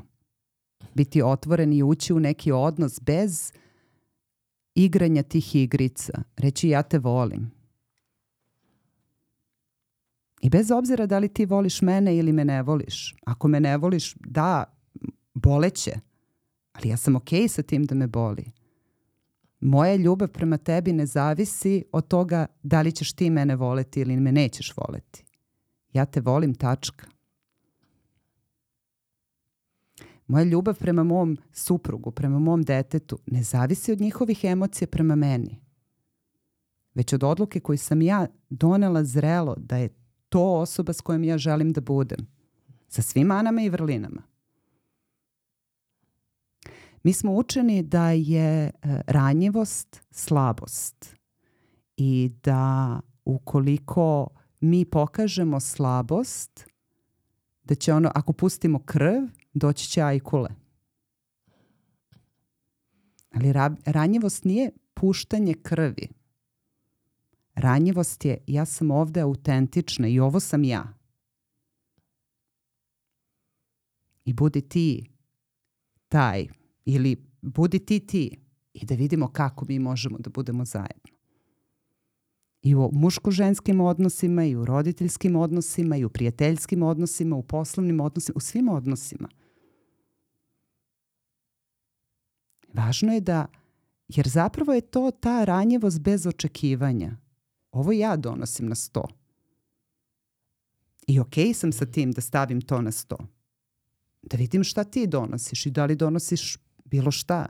Ti imaš pravo da ne doneseš ništa. I ja sam onda okej okay sa tim. I ta autentičnost, nekoliko puta ste spominjali, uh, najviše prijaju ljudi koji su autentični, koji kad ima foliranja, kada ima pretvaranja, kada ima uh, potrebe da se stavi ta neka maska kako bismo se dopali drugima, kada biramo reči u odnosu, sad ja ne pozivam na onu potpuno autentičnost koja nije prirodna, to je neću sad dići nogi na sto, zato što mi je ovaj razgovor jako prijetan pa ću sada da se opustim, ne, ali svakako ne biram reči, mm, rizikujem u našem razgovoru sada da ću možda i da vas zbunim, da ću možda reći nešto što možda neće prijati, ali se nadam da ćete to protumačiti na pravi način i verujem u naš razgovor i verujem u naš odnos sada. Ali isto tako znam da ne mogu da pređem granicu i da, da vas opsujem, da, da vas izvređam ili tako nešto, jer to nema, nema logike, nije, nije korisno za ovaj razgovor. Znači, ne, nije, uh, poenta je da ne stavljamo, da ne, ne upakujemo uh, naše reči, naša dela zarad toga da bih se ja vama svideo ili nekoj osobi i tako dalje, jer to se prepoznaje i to nije dobro. To, ni, ti razgovori nisu, nisu prijatni, ti razgovori se mm, izađeš istrošen iz toga. Ali sa druge strane, isto tako ja, ja nemam u svom ličnom iskustvu, ali znam sad ovo kad pričamo, vrlo je lako da se prepozna kad je neko nije autentičan. Kad neko iz, iz petinih žila želi da, da, da, da ti se dopadne, izvinjam, ili da, da tako nešto. I to jako smeta. Iz tih razgovora želim da, pob, da izađem što pre, da pobegnem. Kako doći u dodir sa svojom preko ovih ve- uverenja i vrednosti o čemu sve vreme pričamo? Kako doći do te autentičnosti, do zelenog svetla da je to okej? Šta je to što moramo da znamo? Pa pre, svega moramo da znamo šta su naše uverenja. Kako moramo se dolazi ih- do toga? Jako teško, ali nije nemoguće. Jako, je, jednostavno je, ali nije lako. Eto tako da kažem. Znači jednostavno je da dođemo do naših uverenja, ali nije lako. Zašto nije lako? Zato što su to naše istine. To su one, ono što, što mi, kao što ne dovodimo u pitanje da li ja moram da dišem da bi živela, o tome ne razmišljam, tako ne razmišljam ni o svojim uverenjima. Međutim, kada nam nešto u životu ne funkcioniše, kada mi idemo, na primjer, iz veze u vezu, koja se stalno završava isto, i kada mi se zbog toga osjećamo nesrećno i nezadovoljno i nikako ne možemo da nađemo, silno želimo da nađemo partnera, a nikako ne možemo ga nađemo, i sve nam veze počinju na različite, možda imaju različiti model kako počnu, ali završavaju se na isti način, to onda znači, ne mogu da kažem, ja, mene uvek nađu ili ja uvek privlačim takve i takve. Ne, ja biram takve i takve. Jer je taj osjećaj meni poznat. Jer je možda moje duboko uverenje da ja nisam vredna ljubavi, da ja nisam vredna nekog odnosa, da ja ne želim da, bu, da imam porodicu. I sad kad vi nekoga suočite sa tim, vi će se ne, nije, nije to tačno. Ja ne biram nikoga, biraju oni mene. Ali ne možeš da kažeš od svih tih muškaraca, na primjer, koje si imala priliku da upoznaš na toj žurci, da si ti dala priliku onom koju tebi iza, izazivao nemir.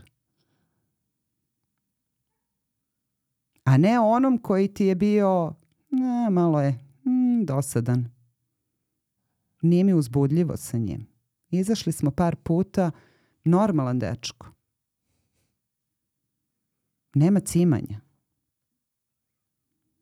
Tu ima jedna ovaj, priča jedne moje koleginice koja je iz Niša dolazila u Beograd vozom pre 10-15 godina. Sad ona priča bila je u, u kupeu sa, sa dve, tri romkinje koje su pričale o svojim supruzima, tako, i o tome kako ih tuku i situaciju u kući i sad pita jedna nju, je li, jel bije tebe tvoj muž? Ona kaže, bož sačuvaj, s ruku bi mu ocekla.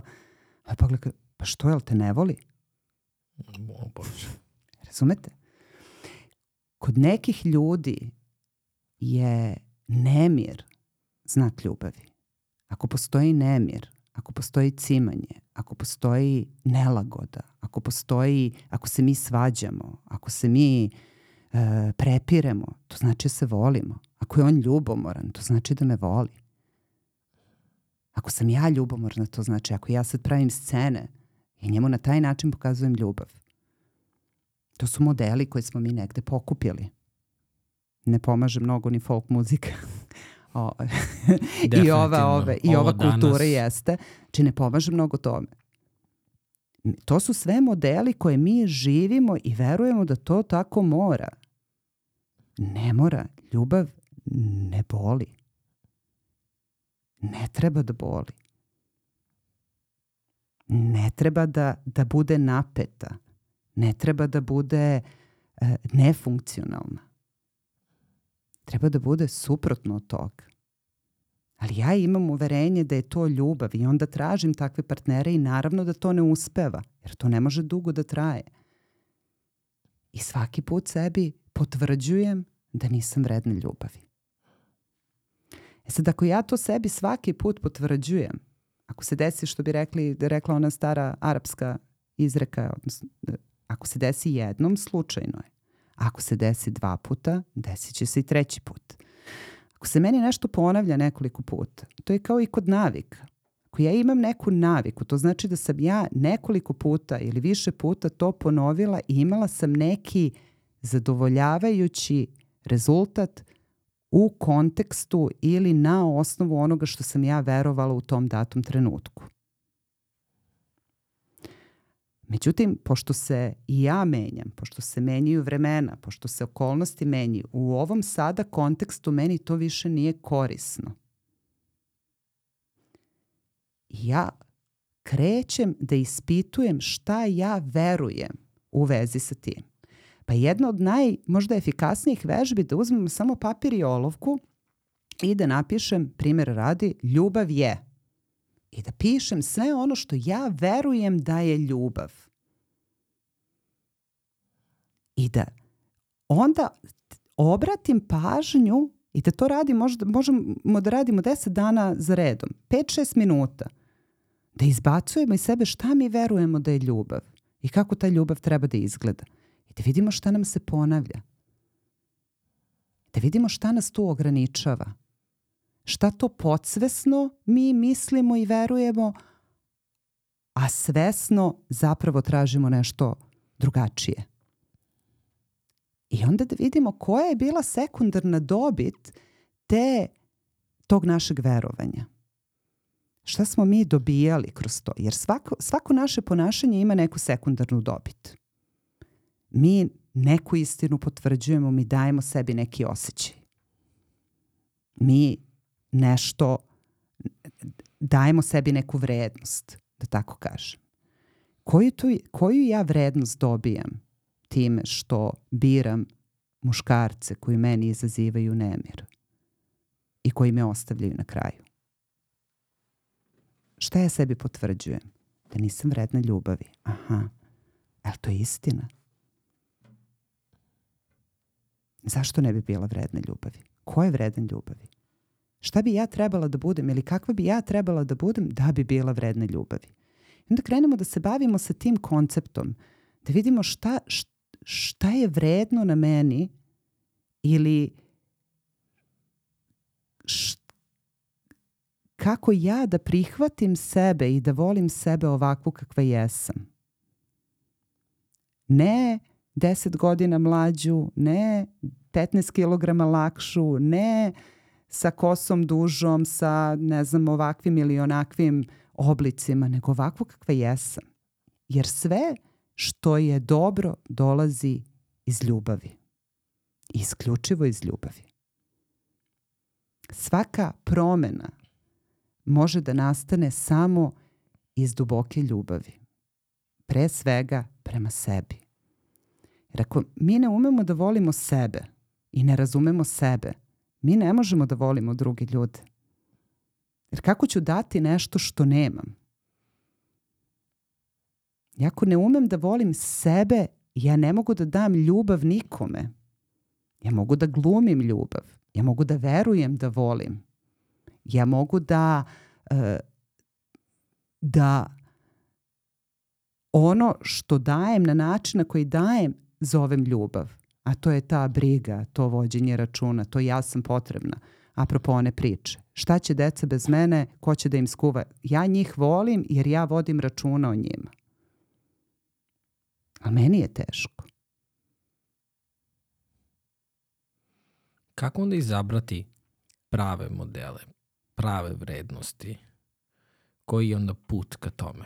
Kada jednom uočimo ove koji nas možda koče, uznemiruju, koji nas koji sada upravljaju našim životom, kako birati prave onda? Ili bolje? Ono što bi da podvučem jeste da sve što smo mi dobili u nasleđe smo dobili iz od toga što su ljudi koji su nam ostavili to u nasleđe, to je bilo najbolje što su mogli da nam daju. Znači, ako su to naši roditelji, ljudi koji su vodili računa o nama, to je bilo najbolje što su mogli da nam daju. Oni da su mogli da nam daju bolje i više, oni bi nam dali. Znači, to svakako svi mi radimo, sve što radimo, radimo iz najbolje moguće namere. I to može biti malo kontraverzno i znam da to ljudima može da zazvuči nije tako, ali evo ako krenemo od sebe, da se setimo jedne situacije kada nešto što smo uradili nije bilo iz najbolje moguće namere. Vrlo često prema sebi.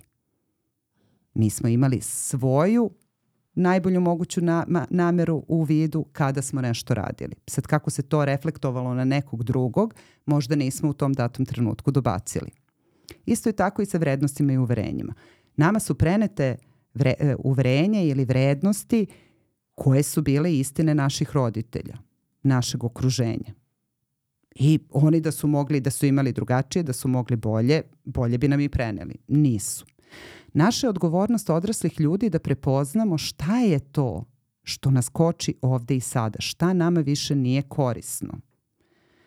Ovde sam, na primer, ne ide mi u poslu. Ne mogu da nađem dobar posao ili ne mogu da nađem partner, nemam, nemam sreće u ljubavi. Šta ja verujem o tome? Koje su moje uverenje? I šta ja želim da budem za godinu dana? Ne preko sutra, ne za mesec dana, nego za godinu, dve dana. Šta treba kod mene da se promeni da bi moja realnost bila drugačija? Jer mi smo danas skup svih odluka koje smo doneli do maločas. Ovo nije, ovo je e, projekat u, u nastajanju. Mi smo sve vreme dok smo, dok dišemo, dok se krećemo, dok živimo, mi smo projekat u nastajanju. Ako se meni ovaj projekat koji je ovde i sada ne sviđa u nekom kontekstu, šta ja treba da uradim, koju ja odluku treba da donesem drugačije da bi sutra bila malo bolje, pa za godinu dana mnogo bolje. Nekako su nas ubedili, a no, namerno koristim tu reč, jer smatram da su nas uveli u bedu, da promena može da dođe brzo i da postoji instant rešenje. Evo, sad ću ja tebi da pokažem neki alat ili dođi pročitaj ovu knjigu i tvoj život će biti totalno drugačiji. Neće. Sve što je vredno, sve što smo postigli, sve što jesmo je trajalo godinama. Mi nismo prohodali tako što smo skočili na nogice i protrčali nego smo prvo ustajali, pa smo padali, pa smo se držali, pa smo na klivam, klimavim nogama jedan korak, pa drugi korak. To je trajalo. Nekada mesec, nekada dva. Mi kad smo učili da jedemo i to je trajalo. Prvo su nam pasirali, pa smo se mazali, pa dok nismo naučili da koristimo kašiku, to je bio period koji je trajao. Sve što smo mi sve što mi znamo je trajalo godinama da naučimo ili trajalo je neki određeni vremenski period. Ono što je bilo olakšavajuća okolnost kad smo bili mali jeste što je mozak tada kao sunđer pa brzo upija i pravi i vrlo brzo obrađuje te informacije, generalizuje ih i vezuje ih da bi brže učio. Kada smo stariji ili da kažem posle 25. 6. godine mi moramo tačno da izolujemo, odnosno da osvestimo tu sinapsu koja određuje, koja donosi odluku nekog određenog ponašanja, neke određene navike i da je menjamo. Da svesno radimo na tome kroz ponavljanje da bismo to promenili. I to se neće desiti odmah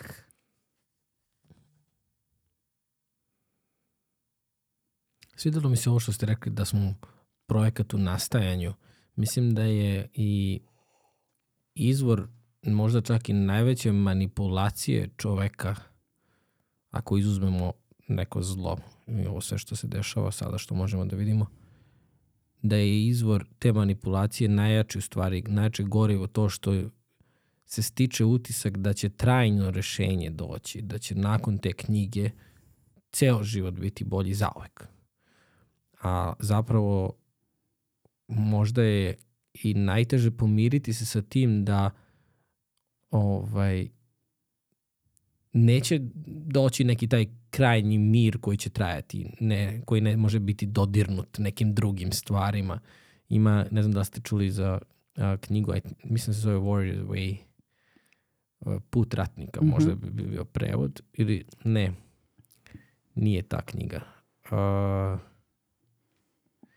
the, sad ću da, sad ću da pogledam, baš mi je bitno. Uh, the,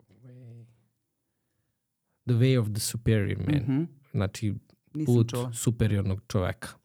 Uh, često se uh, knjiga uh, tumači kao uh, superiorni muškarac, ali zapravo i sam autor je u jednom uh, no, novom izdanju na, naveo da je knjiga izuzetno važna i za muškarce i za žene. Žene da bi bolje razumeli muškarce, muškarci da bi bolje razumeli sebe i uh, da je zapravo pisana za čoveka, ne za specifično pol. Um, I tu knjigu sam slušao u audio formatu, ne, mnogo puta sam je čuo da ljudi preporučuju, autoriteti kojima ja verujem, i ovaj, slušao sam je u kolima do posle jedan dan, to je pre par meseci bilo. I jedno od pravila je podeljeno u nekoliko desetina pravila, 50 i nešto, na primjer. Jedno od pravila je da odustaneš od ideje da će se sve završiti, da, će, da ćeš ući u tu neku sad nirvana i kod nas malo pogrešno protumačena i tako dalje, ali da ćeš ući u te neki kao to je, sve će se rešiti. I da zapravo taj osjećaj koji imaš, a to je da evo sada ćemo završiti to, ali će se pojaviti neki drugi problem, neki drugi izazov. Da je to zapravo taj tvoj put čoveka. I da kada to prihvatiš, da ćeš prestati da se nadaš da, da ćeš jednog dana sa 40 godina ili 35 da se penzionišiš, da ćeš sediš na plaži piješ koktele. I, i to, to jednostavno nije, nije put čoveka. I da kroz bolje upoznavanje sebe, kroz odnose, kroz iskustva, zapravo dolaziš do nekih tih ljudskih zadovoljstava. Jer ja imam utisak da i sve vreme sad dok pričate, koliko god da je tema o, i vrlo logično zvuče neke stvari, zapravo je mnogo, mnogo duboko i mnogo je teško razgovarati o ovome, jer deluje da nema izlaza. Da možda čak, e, sad se i pitam, da li je i uh, poenta života da kroz uh, ova uverenja razumemo sebe da bi nam život bio lakši ili možda poenta da kroz ova uverenja razumemo sebe da bismo mi bili snažniji. Jer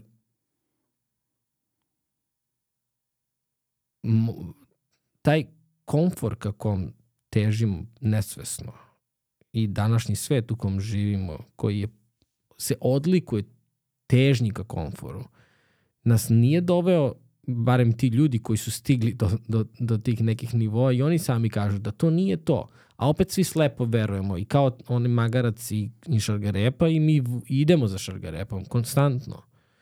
I onda se javljaju rupe na tom putu, onda nas nešto ošiba, onda i onda kao, da li je onda ta šargarepa vredna, ali opet se vratiš toj, toj šargarepi toj nekoj obećenoj sreći, da, ne znam da li postoji. Nisam, nisam siguran da li je čak i, i, i da li bi imalo poente da se dođe do nekog da je sve okej, okay, jer deluje mi da onda ćeš upoznati sebe na nekom novom nivou. I da li onda možda taj proces u nastajanju, to me je toliko jako asociralo, da li onda možda je svrha sama po sebi ići kroz taj proces, bez težnje da se završi putovanje, nego uživati. Me, e, uh, sa Evom sam sad, njoj će uskoro 30. rođendan i ja sam se mnogo lomio šta da je kupim. Jer kad, ne znam, sad malo ću hvaliti sebe, ali ovaj, pre, pre par meseci je videla neke minđuše i to je bio utorak. I mi smo kupili taj utorak minđuše, nije bilo bitno.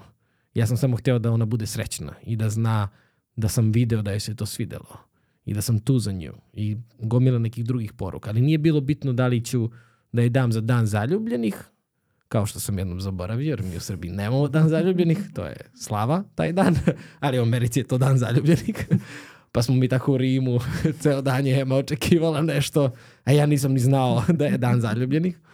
To je bilo pre par godina. Ovaj, uh, ali dan, sledeće nedelje je rođendan i ja sam stvarno se, lomio sam se, razmišljao, pa sam googlao šta je najbolje kupiti za 30. rođendan, pa tražio i tako dalje. I onda sam slušao u nekom podcastu i neko rekao, sad stvarno ne mogu da se setim, možda čak i da sam ovako pričali, kao iskustvo, uspomene.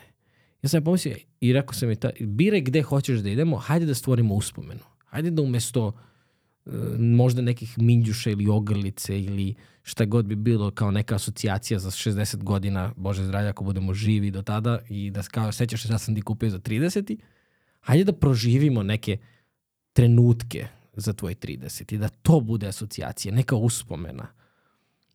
I mislim da barem to postaje jedno od mojih uverenja, da je poenta života zapravo proživeti uspomene. Ne zgrabiti, ne materializovati, iako je lako pričati o tome kada egzistencijalno nisam ugrožen, i to mi je vrlo jasno, znači nije ovo sada nešto što sam ja sad kao otkrio toplu vodu, ne, vrlo mi je jasno da sam pre deset godina samo razmišljao o novcu. Isključivo o tome, jer je to bilo nešto što mi falilo. Danas su mi jako važne te uspomene jako mi je važan taj trenutak. Da osvestim taj trenutak. Ne znam, ova sada uverenja o kojima smo pričali i ove sve blokade, deluje mi da nas sprečavaju da budemo u trenutku. A da smo protumačili sve te nelagodnosti u telu kao nešto da nam nešto fali i onda idemo u kupovine, sami ste rekli, shopping koji će biti emotivni ili, ili šta god koja bi bila onda svrha pronalaska tih uverenja? Ja mislim da je prva zabluda sa kojom se mi susrećemo jeste da sve treba da bude okej. Okay. I da sve treba i uvek da bude dobro. Jer ako je sve i uvek dobro, kako ćemo onda znati da je dobro? Jel? Ravna linija nije život. Ravna linija je smrt. Kada vidimo ne, ravnu liniju, nema otkucaje srca. Znači, amplitude moraju da postoje. Naše ljudsko iskustvo podrazumeva 50% sjajnog ili 50% dobrog, 50% pip. I to ne znači da ćemo mi svaki dan imati 50% super, a 50% loše. Nego nekih dana će biti 90% super, 10% loše nekih dana će biti 100% loše, pa će onda ići 5 dana 7, 70% loš, dobro, a 30%. Hoću da kažem da kada bismo mogli ovako da se izdignemo iznad sobstvenog života i izvan celog ovog sveta i da pogledamo sve ovo što se dešava sada iz jedne ptičije perspektive i da shvatimo sve odnose i svu povezanost između kako smo svi umreženi i povezani ja verujem da bi sve što se dešava nama imalo mnogo više smisla. Međutim, iz naše lične perspektive mi ne možemo da vidimo tu celu sliku. Mi ne možemo da, pa nam se, kao što smo pričali već u, u, u podcastu, deluje da je nekome bolje, da je nekome e, brže, da je nekome lakše. Međutim, svi mi igramo svoje nivoje igrice. I ako bismo uzeli u obzir šta je sve Steve Jobs postigao za svog života, ali je umro sa 51 godinu, u 51. godini. Sad ja verujem da smo ga pitali da li bi on želeo da živi duže, a sa manje uspeha, verovatno bi bilo interesantno šta bi imao da nam kaže. Neko ostvari do 30. godine mnogo, a onda se ugasi možda ne fizički, ali prosto izgubi snagu. Neko tek procveta u 50. Gde se ta snaga izgubi? To je dobro. Gde se iz, šta se ta životna energija, gde se ona gubi zapravo? Pa ja mislim da se gubi onda kada mi zapravo nemamo, nemamo jasnu svrhu. Nemamo jasno to čemu mi služimo. Šta je poenta? Šta ću ja jednog dana, ja verujem da ću živjeti do 120. 30. Znači u to, taj jedan dan kada budem ja odlučila da je, eto, dosta je bilo, dosta smo se igrali, kad se osvrnem iza sebe, ja želim da kažem ovo je bio život vredan življenja. Baš mi je drago što sam živela ovaj život. Za nekog drugog će to možda biti mali život. Ili će to biti ništa posebno. Ali ja želim da imam taj osjećaj, ovaj život je imao svrhu. Vidi šta sam ja za ovog života iskusila, doživela, proživela, imala prilika. Koga sam sve upoznala, s kim sam sve pričala. Ne pričamo sad nekim imenima, pričamo o raznovrsnosti. Ti si lepo rekao na početku ovog našeg podcasta, ja se igram. I kakav je odnos prema životu kada se igramo, a kakav je odnos prema životu kad je težak, kad je to teška borba, kad se borim. Kako ti je? Evo, borim se. Kako ti je? Evo, igram se. Energija je drugačija. Naši filteri se drugačije slažu. Mi biramo da nam bude zabavno. Apsolutno je nemoguće. Ja ne znam ni jednu osobu i ne verujem da iko može da, da istakne jednu osobu koja je živela život koji je išao uzlaznom putanjom bez ikakvih briga i bez ikakvih trzavica. To nije ljudsko iskustvo. Ljudsko iskustvo podrazumeva i tugu, i bol, i bes, i ljubomoru, i zavist. Podrazumeva i da se osjećamo loše i da budemo bolesni. A baš zbog toga mi onda znamo kako je to kad smo zdravi, znamo kako je kad smo srećni, kada volimo, kada smo zadovoljni, kada smo ushićeni, kada smo uzbuđeni. Jer da nema svega ovoga ne bi bilo ni ovoga. Bili bismo mašine, bez emocija. To bi bila ravna linija. I ta naša želja da mi izbegnemo, mi stalno nešto hoćemo da izbegnemo, neku neprijatnost. To je ta ranjivost, otvoreno za neprijatnost. I da budem svesna da ok, možda sigurno nešto ne znam, sigurno ću pogrešiti, sigurno neću nešto izdržati do kraja ili sigurno neću nešto izgurati do kraja ili odraditi do kraja. Sigurno ću negde omanuti, sigurno ću doneti pogrešnu odluku. Pa hej, ali hajde da vidim šta iz toga mogu da naučim. Mi zapravo iz grešaka najviše učimo. Sve dok se trudimo da ne napravimo grešku, mi stagniramo. Ja ću sada da radim samo ono što ja znam i za što 100% znam da će se svaki put sigurno da, isp da ispadne kako treba. Ja ću svaki dan da pravim isti ručak jer sam sigurna da je to najbolje što ja mogu da napravim. Posle mesec dana će se meni smučiti pa i svima ostalima taj moj savršeni ručak. A sve vreme nekako nam je nametnuto da treba da izbegavamo nelagodnosti, neprijatnosti, greške. A kako ćemo da naučimo? Kako ja da naučim nešto novo ako nisam pogrešila? Ako se ne izložim novoj situaciji? Da li tu sada dolazi ono što ste rekli malo pre da je uloga roditelja da svoje dete vidi i da mu dozvoli? Obavezno. Moja je uloga da mom detetu pre svega stavim do znanja da nemam sve odgovore na njena pitanja i da vrlo otvoreno i vrlo samouvereno kažem ne znam kada ne znam. Hajde istražit ćemo zajedno. Moja obaveza kao roditelja jeste da mom detetu kažem kad me pita mama što si neraspoložena, da kažem da neraspoložena sam ako sam neraspoložena. Da je ne lažem. Da je mama super.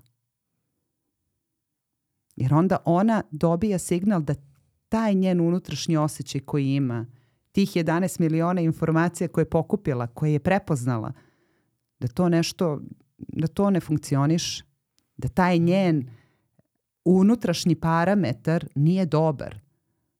Jer mama kaže da je dobro, a ja osjećam da nije dobro.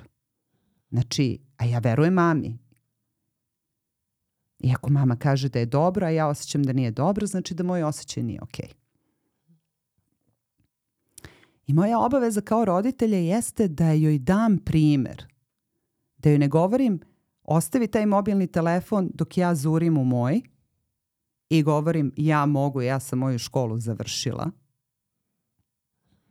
Nego da je pokažem da i mama uči. I njena mama uči, njena mama ide u školu. Isto kao i ona. Jer je važno učiti celog života. Važno je raditi na sebi. Važno je pričati o emocijama. Važno je imati u vidu kako se neko drugi osjeća kada mi uradimo nešto. Važno je poštovati dogovore. To su primjeri koje ja dajem mom detetu. Jer i to su stvari na kojima ja radim. Pre svega. Da li su to vaše vrednosti? To su, uh, jesu. Moje, moja, recimo, vrhovna vrednost, moja lična, jeste autentičnost.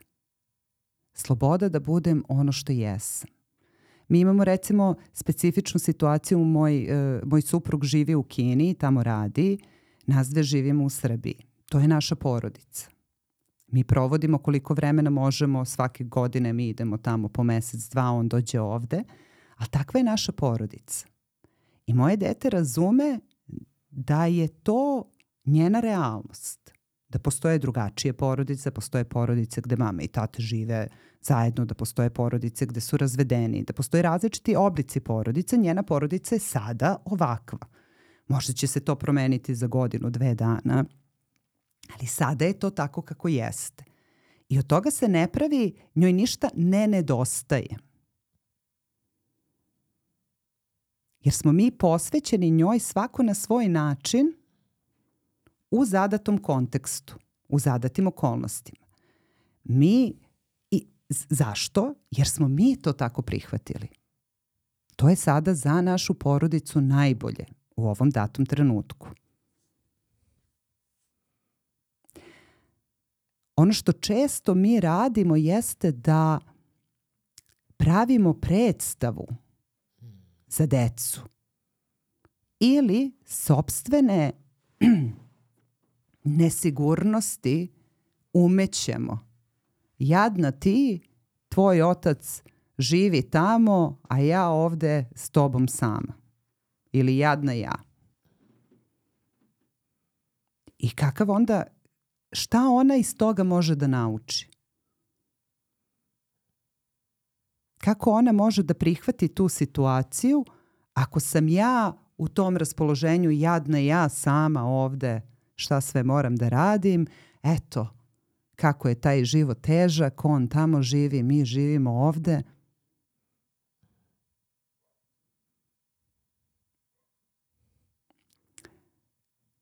I da očekujemo od nje ili da očeku, mi očekujemo od naše dece da razumeju širinu konteksta koji dolazi sa našim iskustvom.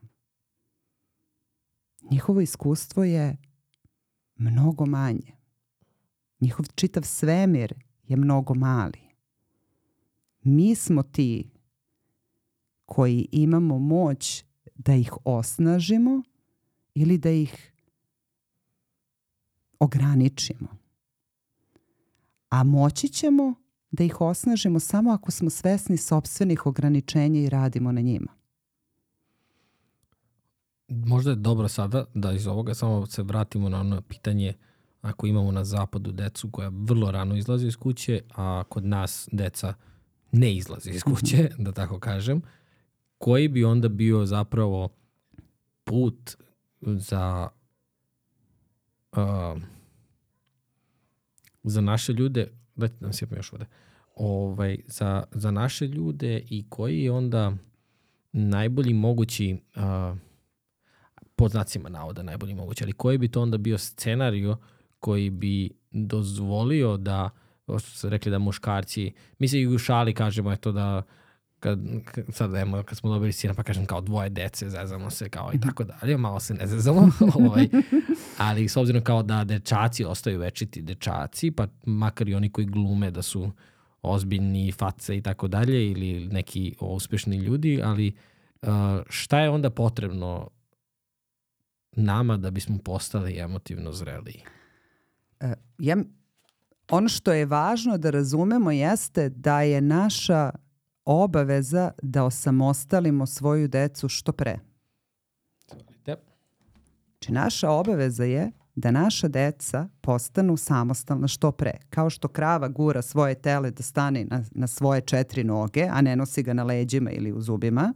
I tako i mi treba da sposobimo svoju decu da mogu da ustanu, da hodaju, da jedu, da se oblače, da se kreću kroz život, da imaju životnih veština što više, što pre, da budu što samostalniji. I u onom trenutku kada oni požele da kada požele, ne pričamo o pubertetu, pubertet je prosto prirodni način da se dete Ocepi. ocepi od porodice. Zašto? Da bi prepoznao partnera u drugom plemenu. Jer ako mi ostajemo u simbiozi porodice, onda, će, onda bi tu bilo, bilo bi neprirodno. Nije, nije poenta da ostaje, poenta je da se, da se minglujemo, odnosno da se umrežavamo. E, da onog trenutka kada je dete sposobno da vodi računa o sebi, da za sebe zarađuje, da e, sebe zbrinjava, da ne samo sebe, nego i celu porodicu, da kuva, da skloni za sebe, da, da ih pustimo da izađu, da Evo. odu. Evo, vraćamo se na ono moje pitanje pre pola sata, a to je zašto onda pričamo danas o tome da je socijalno nametnuto da žena da li će da bude majka ili ne. Ako je nama prirodno, pa čak i u tom tinejdžerskom periodu, da se odcepimo od svoje porodice i zasnujemo svoju porodicu. Mi živimo u jednom vrlo uvrnutom svetu. Ova tema je klizav teren, zato što mi živimo u nenormalnom vremenu. A to je da se neguju vrednosti koje su upravo napad na onu autentičnost koja je vaša vrhovna vrednost, a koju ja želim da verujem da je moja vrhovna vrednost. Ali ona je napadnuta od sa svih mogućih strana gde mi živimo u vremenu slobode govora, ali samo ukoliko govorimo ono što se smatra poželjnim i korektnim. Ukoliko moja sloboda govora na neki način ugrozi vaše postojanje u ovom trenutku, mi možemo doći u veliki konflikt. Ne kažem vi i Ne ja, razumem. ali vrlo je specifično, čak sloboda govora se danas tumači i ja mogu da kažem šta ja hoću, pa ću onda da ti izvređam na internetu i da ti kažem ja kako si ti glupi đubre i ostalo što veruješ u nešto što ja ne verujem, bla, bla, bla, tako dalje. Ne pričam više o celom svetu, pogotovo neću da se bavim Amerikom, jer stvarno mislim da, da je potrebno završiti nekoliko fakulteta da se bave trenutno. Sociolozi su možda i najpotrebniji tamo, ali mislim da su im potrebni i uh, pa, hajde da kažem teolozi, imamo tu mnogo igre oko religije i ostalo, ali mislim da su se kod nas ljudi, ovi barem koji su najglasniji, ne kažem svi, ali odvojili od hrišćanstva, odvojili od ljubavi, odvojili od onoga što smo pričali malte ne sve vreme. Od toga da mi imamo ljude koji su u braku i koji imaju troje deca i sada se mrze. Pa kako, kako, kako, kako, kako ideš u crkvu, kako slaviš slavu, kako se kuneš u Boga, ukoliko mrziš nekoga. Zar to baš nije suprotno hrišćanstvu u koje, u koje veruješ? Ako veruješ. Opet dolazimo do toga da ste sada rekli da je tinejdžer upravo neko ko hoće da se odvoji, da zasnuje svoju porodicu, da, da brine, da ima svoje potomstvo, porodica zapravo slu, i, i, to i jeste, ali onda kažemo, ali nametnuto od strane društva da imaš svoju porodicu, da treba da budeš majka, da treba da budeš otac i tako dalje. I onda kažemo to je kontraverzna tema. To je ja, to je, ja nisam naučnik, ja nisam lekar, nisam psihijatar, psiholog, ne znam, ali meni deluje kao da je to prirodna potreba. Ja nisam birao, niti sam bio spreman da postanem otac. Ema, ne znam, da li si ti Ema bila spremna da budeš majka? Da li si znala da je to to? Ali nam je prirodno došlo i nije se desilo slučajno i hvala dragom Bogu da smo iz prvog pokušaja i Ema i ja smo, uh, Emini roditelji i moji roditelji su čekali na nas po pet godina, tačno, da smo mi iz prvog pokušaja postali roditelji i da i sada učimo sa njim. I nemamo uopšte nikakav utisak, malo pre ste pričali, da nam se to dete desilo, da smo mi, da ja sada lečim neke svoje frustracije kroz njega, da šta više kroz naše dosadašnje iskustvo sa njim, ja se molim da ga što manje zeznem u tom smislu. Znači, znam da ću ga negde sputati sigurno, jer i ja sam na neki način negde Svestan sam toga, niti tražim krivce, kao slažem se sa onim, svako radi najbolje što može. Moje najbolje je da ga što manje zesne. E sad ćemo videti za nekih 20 godina šta će se desiti. Da će on prebacivati. Tako je, kad bude gledao ovo je slušao možda. Ali poenta priče je da smo stvarno došli u jednu situaciju gde je obećana sigurnost time što ti neko kaže budi svoj, budi samostalan, budi, ali oduzet ti je onaj temelj svega onoga što je tebi prirodno, a to je da budeš okružen porodicom, da sve te neke tradicije, rituale koje su, koje su ranije ljudi imali iz nužde moguće, a to je da se dele obrosi, da kada, kada se zapali vatra da se pričaju priče, da, da uh, imamo uloge, obaveze u, u porodici. I sada neka ćelija društva koje je nama poznato, koje mi dalje vučemo neke tragove, je potpuno ekstremno presečene. E, ovo nije to, ti biraj svoje. I sad imamo gomilu ljudi koji biraju i koji su upravo to najbolji mogući potrošači. Jer iz tog svog nezadovoljstva, ja sad moram da radim dva posla, ali ta dva posla mi daju i najnoviji telefon i najnovije šta god to bilo, ili možda da proputujem ovaj svet sam, ok, ali kako se ti zapravo osjećaš sa tim? To je dobro pitanje. Mislim da je ključno pitanje, svi ti ljudi su potekli iz te tradicionalne porodice. Svi smo mhm. mi potekli iz neke tradicionalne porodice ili iz neke te tradicionalne ćelije. Pa da je to nama negde davalo ta neka uverenja ljubavi, podrške, moći, e, zajedništva, mi bismo onda za tim i tragali. Međutim, nažalost, te tradicionalne porodice su krile dosta netradicionalnog u sebi. Što, bi, što je Dostojevski rekao, napisao u Ani Karenjinoj, sve srećne porodice su iste, a nesrećne, a nesrećne porodice su svaka nesrećna na svoj način. Možda verovatno nisam citirala baš tačno, ali to je to. Da je to da je to ta osnovna ćelija, zdrava ćelija društva bilo, mi bismo sada težili ka tome. Jer mi, to su neke osnovne vrednosti koje bismo mi nosili. Međutim, sve ove nesrećne porodice sada vuku korene iz tih srećnih porodica – koje su možda bile srećne na površini, tad nije bilo Instagrama, Facebooka i društvenih mreža da kačimo naše srećne slike, ali smo sigurno na slavama bili kako treba mm, i pred no, drugima da. i kad dođu gosti. A šta se dešavalo iza zatvorenih vrata mi možemo da vidimo sada po, na, po potomstvu. Koje traume ta, ta deca, ti, ti mladi ljudi, ti odrasli ljudi nose i kakve mi partnere biramo. Verovatno ste ti i Ema imali dobre modele. Pa ste onda izabrali jedno drugo po tom modelu. Ili ste radili jedno na sebi. Zato, ovo je vrhunski, ovo nisam razmišljao o ovom pracu i možda se onda još više nameće to pitanje šta uzeti sa jedne strane i šta uzeti iz ovoga i napraviti nešto što bi moglo da funkcioniše. Jer očigledno je ekstrem usamljenosti i ja sve mogu sam i ekstrem zavisnosti u kojoj si nesiguran nije, nije dobro, ne, ne pije vodu. Šta, je, šta bi onda moglo da bude? Opet, da se vratim samo, možemo da filozofiramo, da. pošto očigledno da ne postoji na, na, na ovaj masovnom nivou. Šta je to onda što nam je zaista potrebno? Pa to je zapravo ono čemu pričamo da je neophodno da budemo u kontaktu sa sobom. Jer mi svoje komplekse i nesigurnosti lečimo nekim ponašanjem. I moramo da otkrijemo šta to ponašanje podržava. Koji je to moj, koji je to moj nedostatak ili koja je to moja boljka koju ja maskiram tim ponašanjem. Ako ja imam potrebu za, za bezbroj partnerki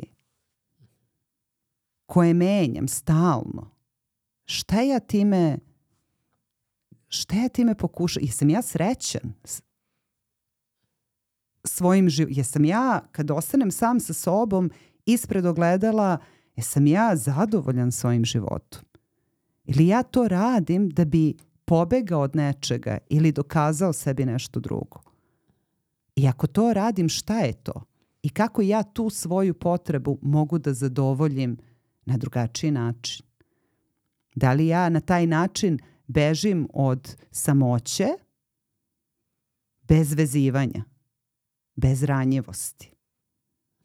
Ako je to to, kako ja onda mogu da sebi dozvolim da budem ranjiv i da budem pristupačan jednoj osobi ili otvoren za jednu osobu. Da li bi tu moglo da se postavi pitanje ko meni ne dozvoljava da ja budem ranjiv? Jer možda upravo ta uverenja koja imamo, koja nisu možda i naša, koja su preslikana, koje smo videli, pa smo videli neki bol, pa onda pobegnemo od toga, da li je, da li je preispitivanje i tih van nas okvira koje, koje čak nismo ni mi zacrtali, ali jednostavno tako nam je izgledalo ceo život. E, juče sam baš čula jednu fantastičnu metaforu, to je kao kad bismo ljuštili luk. Sad ono, ono žuto što vidimo ili korica luka koja se, koja se prva skloni, koja je očigledna, je redko srž luka naše ponašanje često daje indikaciju, naše, da kažem, nekorisno ponašanje ili ponašanje koje nam ne prija ili to je ono prvo što se primeti i što daje indikaciju da sa nama, da nešto duboko u nama, u našim vrednostima, uverenjima ili na nivou identiteta nije okej. Okay. A onda je potrebno da skidamo jedan po jedan sloj da dođemo do suštine. Jer samo na taj način možemo da se pozabavimo uzrokom i da onda krenemo da gradimo novo pona, novu, novo uverenje, novu vrednost, novi identitet koji nam je koristan ovde i sada. Kako se gradi taj identitet? Pre svega što, opet kažem, otkrijemo šta nam nije korisno, a onda svesno donesemo odluku, a šta ja želim umesto toga? Kakav ja želim, kak, kakva ja žena želim da budem? Kako, kako ja želim da živim za godinu dana? Kako ja izgledam? Kako se ja ponašam? Kako, e, šta ja radim svaki dan? S kim se družim? Gde se krećem? Kako izgleda taj jedan moj dan kad sam ja drugačija, kad sam ja onakva kakva želim da budem. I onda je ključno pitanje da li sam ja spremna da platim tu cenu. A kad kažem cenu, najmanje mislim na novac. Da, da, šta jer, je ta cena da. zapravo? jer ono što novce može da se kupi, to je najjeftinije. Da li sam ja spremna da radim na se, da ulažem vreme, trud i rad u sebe da se bavim sobom svaki dan i da donosim svesno odluke kako ću se ponašati. Da istražujem svoje ograničavajuće uverenja i da ih menjam, da ih transformišem tako što ću svoje filtere ili svoj fokus pomerati.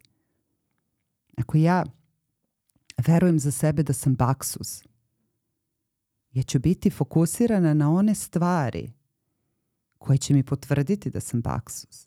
Mi imamo potrebu da potvrđujemo da ono što mi mislimo je tačno, da je to istina. I ako sam ja baksuz, ja ću svaku čašu koju nosi, meni će se ruka tresti jer mora da se prolije. Da bi ja sebi to potvrdila. Ja ću peri perifernim vidom da primetim onu rupu oko ko o kojoj ću se saplesti. Ja ću sama sebe sabotirati da bih potvrdila sebi svoju istinu. E onda treba promeniti to uverenje. Ali ne mogu odmah da ga promenim iz toga ja sam baksuz u ja sam srećna ili ja sam osoba koja ima puno sreće. Jer to moj mozak ne može da percipira. Preveliki je skok. Ja onda tražim uverenje koje je malo bolje od tog uverenja koje sam imala. Pa umesto ja sam baksuz, ja mogu da mislim za sebe ja sve što radim, radim dobro. Ili ja imam dobre rezultate. Ili imam, ako mi je to imam dobre rezultate u svemu što radim mnogo, onda mogu da imam zadovoljavajuće rezultate. Pa polako transformišem iz meseca u mesec, kada postane to moja istina, kada ja primetim da sad ne prospem baš svaku čašu i da ne zapletem se baš o svaku rupu, onda to menjam dalje i idem ka onome što želim da budem. Kada uočimo to neko uverenje, da li je, pošto mi to sad deluje malo kao i neka zamka, u smislu da polaritet nije uvek ono što je zapravo prava istina. Možda to ja sam baksuz i ja, meni sve ide od ruke, možda to meni sve ide od ruke nije ono što je nama potrebno kao verenje. Možda je iza ja sam baksuz uh, stoji nešto što nema veze sa, to, sa tim da li mi dobro ide u životu.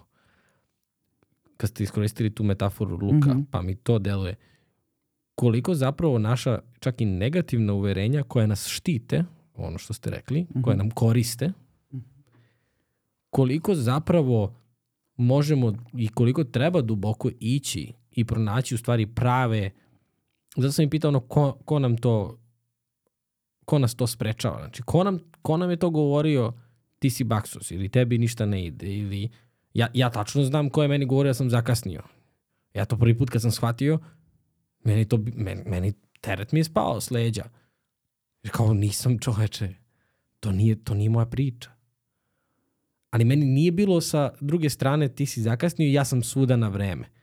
Ne, meni uopšte nisu bile te dve suprotnosti. N nije mi bilo potrebno to, to suprotno uverenje. Meni je bilo potrebno samo da razumem da nisam zakasnio.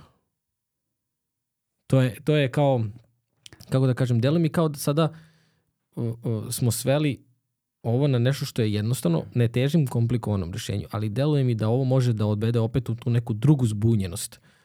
A to je gde ću ja la, uh, ne, ne lagati sebe, po, jasno mi je šta hoćete da kažete, ali ni, ne deluje mi čak ni kao laganje sebe, deluje mi više kao nova neka obmana kojom uh, neću dovesti sebe do onoga što mi je zaista potrebno. Jer možda je ovo ja sam baksuz i sve prosipam, smotan sam i tako dalje, uh, mo, možda ja ne treba da donosim to u čašu. Možda to nije moj, moj put. Možda je umesto ja sam baksus, nije ja sam sposoban, nego ja dopuštam sebi da budem tamo gde, gde treba da budem. A to, a to je mnogo dublji proces rada. Ne znam da li ste me razumeli. Razumela sam. Ti kada si shvatio da to nije tvoj glas koji ti govori kasniš, suprotno tome nije uvek ja sam svuda na vreme suprotno tome ili ono što tebi verovatno e, korisno jeste uverenje ja sam u svom vremenu. Ili za, ja idem svojim tempom. Kad smo se već uhvatili toga, pa samo da, mm -hmm. za, uh, to kašnjenje nije bilo za uh, vremenski period, nego je bilo za postizanje uspeha.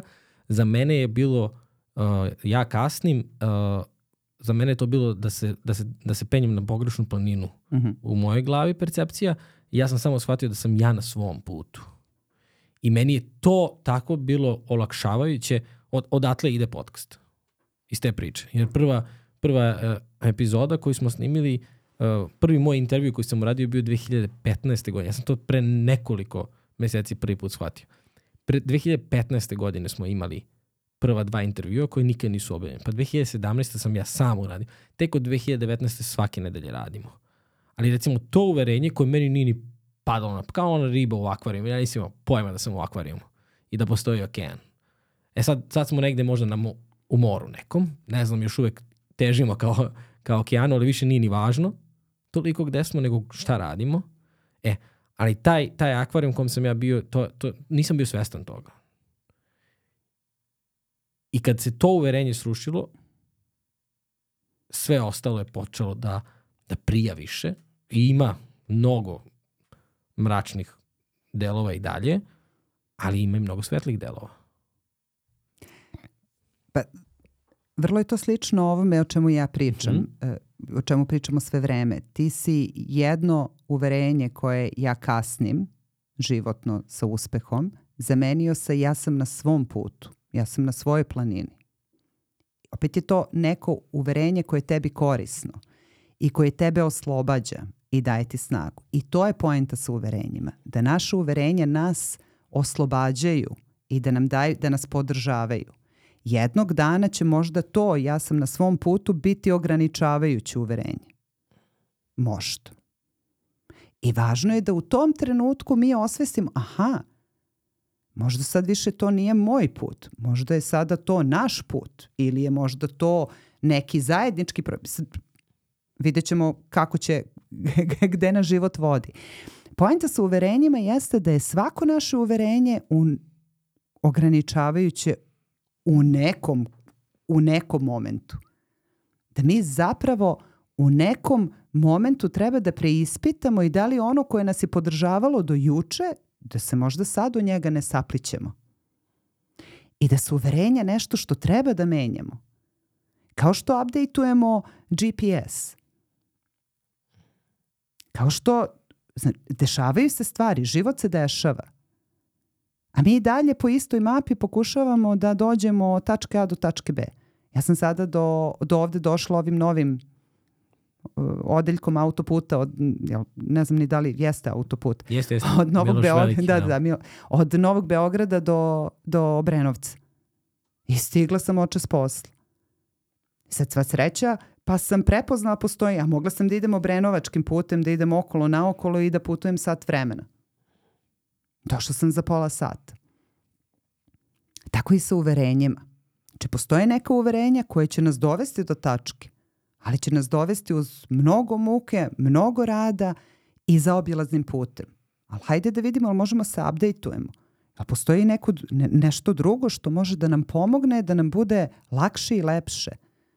Ako ja verujem da je život borba, pa čekaj, kako može? Može da bude to neka Može li da bude možda sumo rvanje? Ne mora da bude baš ili ples.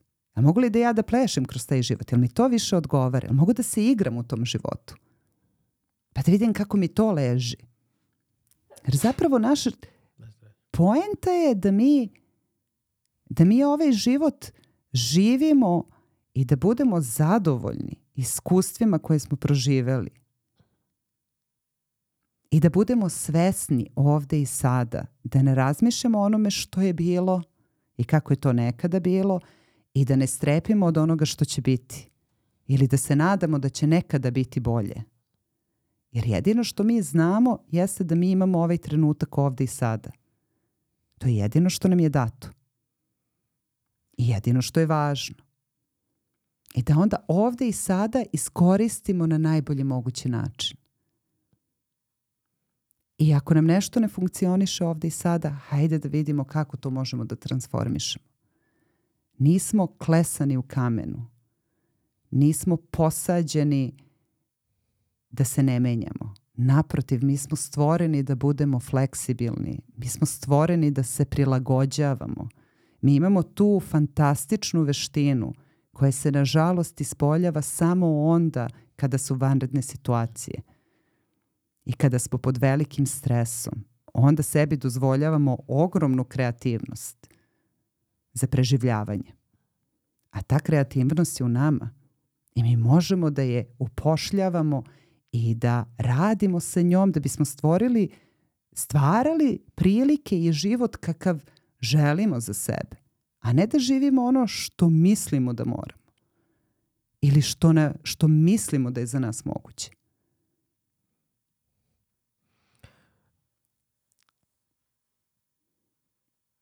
Šta onda na svesnom svakodnevnom nivou možemo da radimo da bismo živeli na ovaj način. Jer koliko god sad recimo da je ovaj razgovor koristan nekome ili da je neka knjiga koju pročita, već posle nekoliko životnih šamara, po znacima navoda, mi opet ulazimo u ono poznato. Negde sam pročitao da se ne plašimo nepoznato, nego da ćemo izgubiti ono poznato i da to može biti velika blokada, što je jako zanimljivo postaviti kao jednu od opcija. E sad, koje je to neke svakodnevne rituale, možda rutine, možemo da primenimo ili možda jednu stvar, čisto kao podsjetnik na ovo sada? Ono što bih ja preporučila jeste pre svega da imamo tu praksu, ako nemamo već praksu pisanja dnevnika i ako nam to nije e, neka svakodnevna praksa ili se ne osjećamo ok sa tim, da bar 10 minuta dnevno odvojimo za, ispis, to se zove uh, downloadovanje misli. Da ispišemo ono što nam je u tom trenutku u glavi samo da izbacimo na papir. Jer drugačije kad mi razmišljamo u svojoj glavi, a drugačije kad mi vidimo nešto o čemu razmišljamo ispred nas na papiru. To, ta, ta koordinacija oko, mozak, ruka ima veliki značaj. I da onda vidimo šta je u tim mislima, šta se nama opet ponavlja i šta nas tu ograničava. Da li ja ne zarađujem dovoljno zato što mislim da ne radim dovoljno vredno, da mi posao nije dovoljno naporan. A posao mi nije dovoljno naporan, a zapravo iza toga stoji to nema leba bez motike. Znači ja se nisam dovoljno potrudila, dovoljno namučila da bih imala. Pa zato nemam. Ili samo da ne bude gore. To je jedna, jedno uverenje koje vlada na ovim prostorima koje ja mislim da nas iz generacije u generaciju nekako vodi u tu spiralnu negativnost. Samo da ne bude, a što ne bi bilo bolje? Mislim, hajde, kak, kako može da bude bolje? Šta ja mogu danas da uradim pa da sutra bude malo bolje? Siv mi je zid. Pa možda mogu da kupim malo boje pa da ga okrečim sama. Možda mogu da rasporedim nameštaj malo drugačije da mi izgleda kao da je drugačiji prostor. Možda mogu da izbacim nešto što mi opterećuje prostor. Možda mogu da raščistim jednu ladicu, jednu fioku. Možda mogu da pozovem neku prijateljicu koju nisam odavno čula. Možda mogu da da nekome na ulici imam tu, tu dnevnu praksu da svakodnevno nađem neku osobu, za sada uglavnom ženske osobe, na ulici, u prolazu, da ju udelim kompliment. Jer smatram da je jako važno da se fokusiramo na pozitivne aspekte naše realnosti. Negativnih ima jednako koliko i pozitivnih, ali uvek nekako težimo da razmišljamo o tome šta nemamo, šta nam nedostaje, šta još nismo postigli, imali, e, po, čemu, po čemu kaskamo, a ne razmišljamo o svemu onome što imamo. Ne razmišljamo smo se mi jutros o banalnim stvarima koje mnogo znače. Mi smo jutros ustali u miru, Probudio nas je možda budilnik. Ili smo se možda probudili iz sna onako, bez ikakvih, bez drame. Ustali smo, upalili smo svetlo, ili smo pogledali kroz prozor, videli sunce. Odvrnuli česmo, imali vodu. Otvorili frižder, imali hranu. Smejali se, popili kafu. Sa detetom se poigrali. Koliko ljudi to nije imalo jutros? Koliko ljudi u Obrenovcu to nije imalo pre koliko godina, kad je bila ona velika poplava. Ali evo ga to uverenje brano može i gore. Samo da ne bude gore.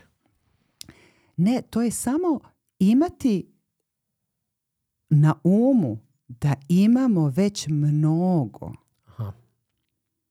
već mnogo. I da iz te zahvalnosti, da budemo svesni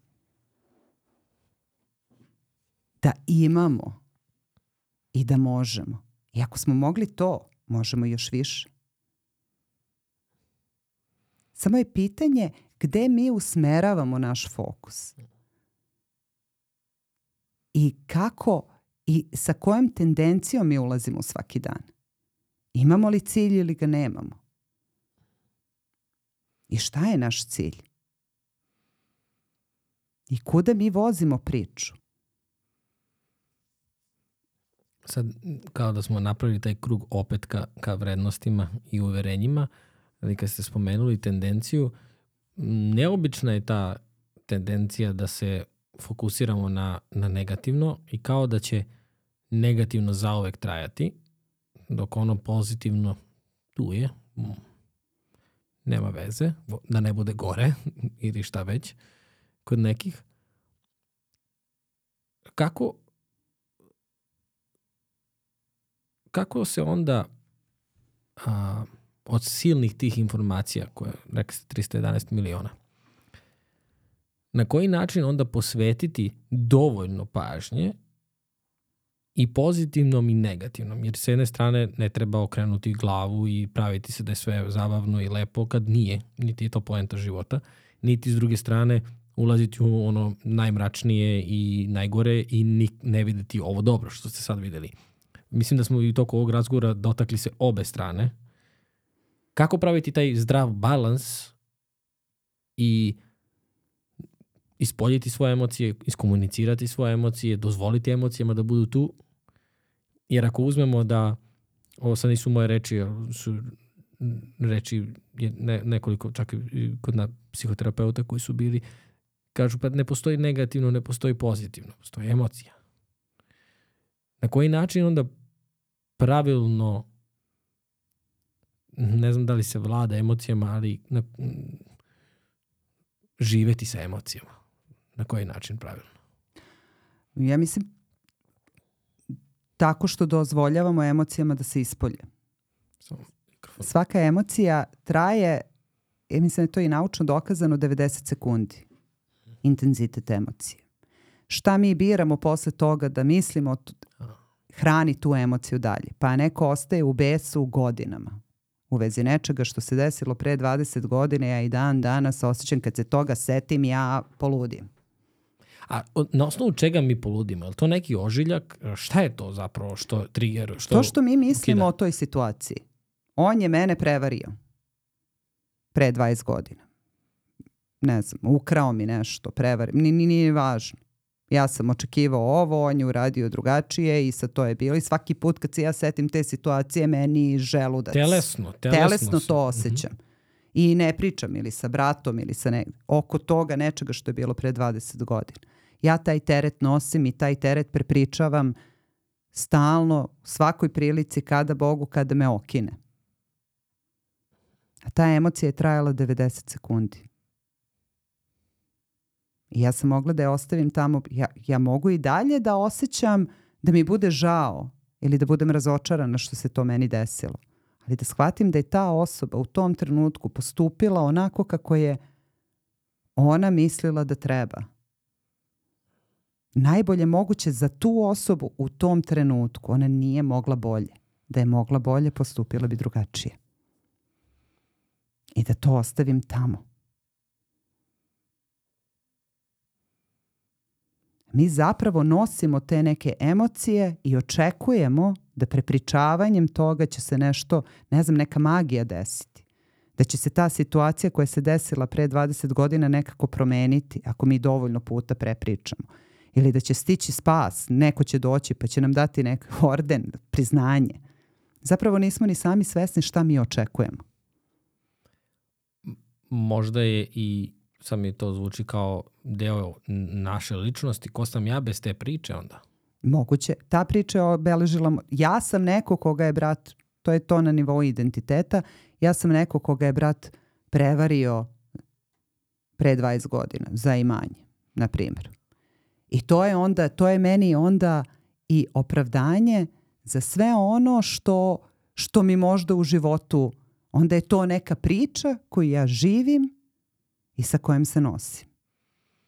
Ok, ako je to meni lično opravdanje, a njemu ne dozvoljavam ili toj drugoj osobi opravdanje, odnosno praštanje, uh, i to stvara naš identitet. Šta mi možemo da radimo sa, sa našim identitetom suprotno od toga ili drugačije?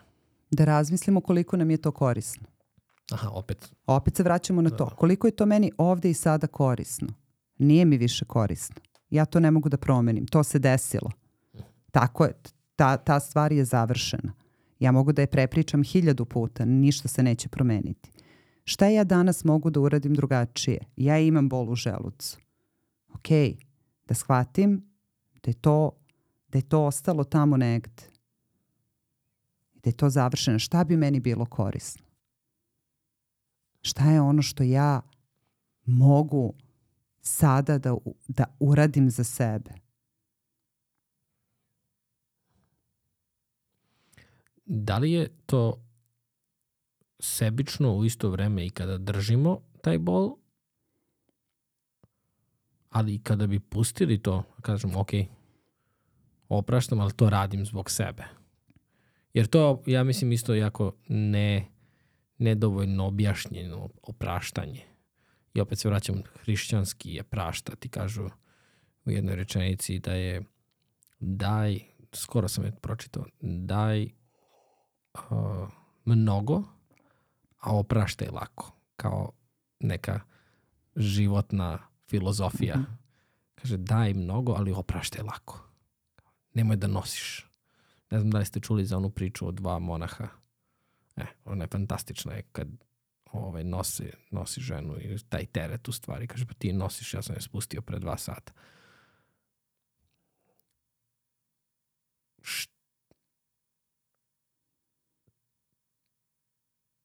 koji bi onda, ako bi da sada sumiramo celu ovu priču, počeli smo sa identitetom i sa kom, kompasom ili kako? Identity kompas. Kompasom, ok. Treba da prvo uvidimo gde smo sada, šta je to, koje su to trenutno uverenja, čime se vodimo, šta je ono što možda i smatramo korisnim, ali nas ograničava kada to vidimo, možemo to i da promenimo tako što ćemo izabrati neka nova, koja opet zahtevaju i neka odricanja. Koji bi neki koraci bili kada bismo sve ovo sad što smo pričali doveli do promene identiteta? Jer deluje mi da kada jednom stvorimo tu neku sliku o nama i onda kroz svoje ponašanje projektujemo to i dobijamo potvrde od drugih, pa nešto što je u jednom trenutku smo uradili nekoliko puta, pa kažemo to je moja navika, pa onda nam i drugi kažu on to iz navike tako. Međutim, posle nekog vremena to postane deo uh, našeg karaktera, pa onda kaže ne, on, to, to je njegov, to je on, pa onda to postaje naša ličnost, pa onda to postaje naš identitet, vrtimo se u tom nekom začaranom krugu. Naravno. Kako da se odvrtimo? Uvek jeste pitanje sa čim sam ja zadovoljan zadovoljna ovde i sada i šta želim drugačije. Šta je ono što, što, me, što, ne, što me žulja. I to što me žulja onda raščlanjujemo. Prvo preko ponašanja. Koje je to, jer se na taj način to ispoljava. Znači, koje su to moje ponašanja koje meni nisu korisne? Koje ja strategije koristim za ta ponašanja? To je po, po piramidi neurologičkih nivoa Roberta Dilca. Određena okruženja okidaju naša ponašanja. Ta ponašanja su usled nekih strategija koje mi imamo te strategije potiču iz naših vrednosti i uverenja, naše vrednosti i uverenja potiču iz našeg identiteta. Ako želimo nešto trajno da promenimo, mi onda menjamo na nivou identiteta. Jer kad se promenimo na nivou identiteta, onda se sve ostalo slaže. Kao što ste se ti i Ema promenili na nivou identiteta kad ste postali roditelji. Neka uverenja koje su bila tada, do tada možda, korisna ili važna e, ili neke vrednosti tipa možda uh, izlasci sa prijateljima, sad bukvalno banališem, ali izlasci sa prijateljima ili svaki petak u gradu ili provod, odjedan put nemaju više istu važnost. Odjedan put u identitetu roditelja se menjaju ta uverenja. Važan je mir. Znači, nije mi važno da mi sedi društvo kod kuće i da, ne znam, pravimo žurku do, do 2, 3, 4 ujutru. Sad mi je važno da imam mir, da se ja naspavam, da se ona naspava, da dete ima uh, čist prostor, primjera radi. To onda vodi vaše, šta vi radite, koje su to strategije koje vi koristite da bi to uverenje ili tu vrednost podržali i to se odražava na ponašanje. Sve dok mi sebe menjamo samo na nivou ponašanja, to nije dugo, dugoročna promena. To je promena koja će kada budemo previše umorni, kada budemo, kada na život bude napadao sa više strana, da pokleknemo. I mogu tu da ti navedem moj lični primer. Ljudi koji me dugo poznaju znaju da sam ja e, konzumirala cigarete od svoje 15. godine i nadam se da moj otac ne sluša ovaj, ovaj podcast sada. Uh, Znači, od 15. godine sam ja bila neko ko je konzumirao cigarete. I to je postalo kritično 20 godina kasnije kada su to bile dve pakle cigareta dnevno. I kada se ceo moj život vrte oko toga kada ću da zapalim cigaretu, jel imam vremena za cigaretu, kad će pauza za cigaretu, koliko cigarete imam u pakli. Onog trenutka kada sam ja shvatila, ja sam pokušavala naravno da ostavim cigarete, da se odreknem cigarete, da postanem nepušač, ali iz identiteta pušača. Sve dok sam ja iz identiteta pušača, nekoga ko voli cigarete, koga cigarete smiruju, kome cigarete pružaju samopouzdanje, jer zato sam počela da pušim sa 15 godina jer sam bila cool. Sve dok su ta uverenja negde tinjela u meni i dok sam ja bila u identitetu pušača, ja nisam mogla to je trajalo mesec, dva, ja sam izdržavala da se odreknem cigareta. A sve dok sam se odricala, moj mozak je samo tražio priliku, samo tražio dovoljno veliku dramu da ja kažem pa kako da ne zapalim. I onda sam počela se bavim svojim okidačima. Šta je to? Kad ja zapalim cigaretu? Koje su to prilike? Uf, ima ih previše. Koje su strategije koje ja koristim? Da bi se iznervirala, pa mi treba cigareta, e ajde još jedna kafa, pa eto prilike za cigaretu, e ajde sad ćemo napravimo, pa znači ja sam pravila strategije za to moje ponašanje iz vrednosti uverenja, identiteta pušača. Kada sam ja sve to proradila i postala na nivou identiteta nepušač, u, identitete, u mom identitetu nepušača cigarete nemaju nikakvu ulogu, kao kod bilo kog drugog nepušača. A imam iskustvo nepušača jer sam do 15. godine bila nepušač. Znači, cigarete nemaju apsolutno ni, nepušači ne razmišljaju o cigaretama. A to nije podrazumevalo da ja sva ostala moje ponašanja menjam. Tipa da ne pijem kafu, da ne, ne konzumiram alkohol kad izađem, da ne izlazim. Ja sam sve to nastavila da radim. Samo iz identiteta nepušača šta je bio okidač, još jednom, samo da, ako sam dobro razumeo, da promenite identitet, to je Uh, okidač je bio to što sam jedno, uh, jedno, jedno jutro sam ustala, sama sam sebi smrdela, mhm. kako to samo pušači umeju da smrde ujutru i uh, kašljala sam i pomislila sam pogledala u paklu cigarete, imala sam tri i pomislila sam, bože, da li će mi ovo biti, do, da li da se sad ja oblačim da idem da kupim cigarete i shvatila da sam ja taoc moje navike. Da ona više meni ne služi, da ja više nisam cool sa njom, nego da sam ja u ropstvu sobstvene navike i da se veliki deo mog dana vrti oko toga. A pritom se i ne osjećam dobro. Šta, šta su još neki okidači za naše promene identiteta? Svaka promena e, dolazi iz šoka. E, Kad kažem šoka, taj šok može da bude i pozitivan i negativan. Znači svaka promjena našeg ponašanja ili naše neke navike dolazi iz nekog sada u nekom trenutku mi shvatimo "Oh, šta ću sada? Desilo se to. Dobila sam unapređenje. Primjer radi. I onda prvo ide, to su faze po, e, to se zove kriva promene, koji je, da se setim tačno, Elizabeth Kobler-Ross. To je bila doktorka e, 60. godina prošlog veka koja je posmatrala kako e, pacijenti kojima se saopšti da pate od terminalnih bolesti, kako oni prihvataju tu informaciju i ko su oni koji se lakše leče ili imaju kvalitetniji život, a koji zapravo odlaze u, onu dru, u onaj drugi ekstrem. Kasnije, 80. godina je preuzeta ta kriva i onda ispit, e, ispitivali su je u e, organizacijama i u različitim životnim promenama koji se ljudima dese da vide da li svi prolazimo kroz iste faze. I zapravo se pokazalo da da. Posle tog inicijalnog šoka, kada nam se nešto, kada nastane potreba za promjenom, stala sam na vagu i shvatila je, stvarno ovo je sada much, treba nešto da se menja. Prvo ide ili neverica, ne, mislim to, to ne može biti tako, ili entuzijazam. Ma to ću ja sad lako, sad ću ja ovo, pa ću ono, pa... Nakon toga kreće cenkanje. Mi krećemo da se cenkamo sami sa sobom. Da li to baš, da li mi je to baš trebalo? Pa nije baš mnogo, aj pet kila manje više.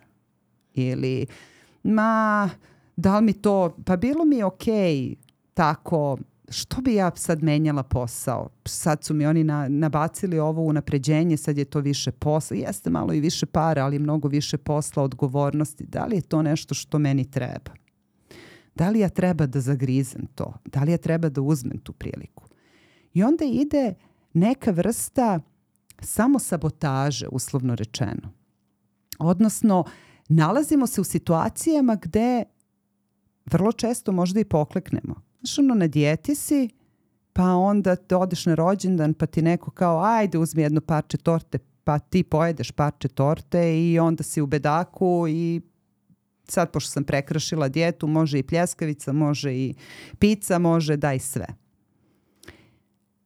I onda spa, padnemo u taj, tu donju tačku koja podrazumeva neku vrstu depresije ili agresije. Sad kad kažem agresija, to je često agresija prema, samim, prema samom sebi. Eto, ništa ne možeš, zauvek ćeš ostati debela, nema tebi spase i ostajemo u toj tačci do sledećeg šoka koji nas opet trgne da krenemo tom istom putanju. Oni koji uspevaju su oni koji shvate posle te poje- pojedenog tog parčeta su odustali od, svog, od svoje promene ili preskočenog treninga ili nepročitane knjige ili bilo kog nekog iskakanja iz nekog plana koji su imali za sebe, ok, desilo se. Olaj sad da vidim šta je sledeće, kako ja da se vratim na taj put. I onda polako proveravamo kako se to integriše u naš život. Mi često kada želimo da unesemo neku promenu, želimo da to sad od nevežbača ja postanem vežbač koji vežba pet puta nedeljno.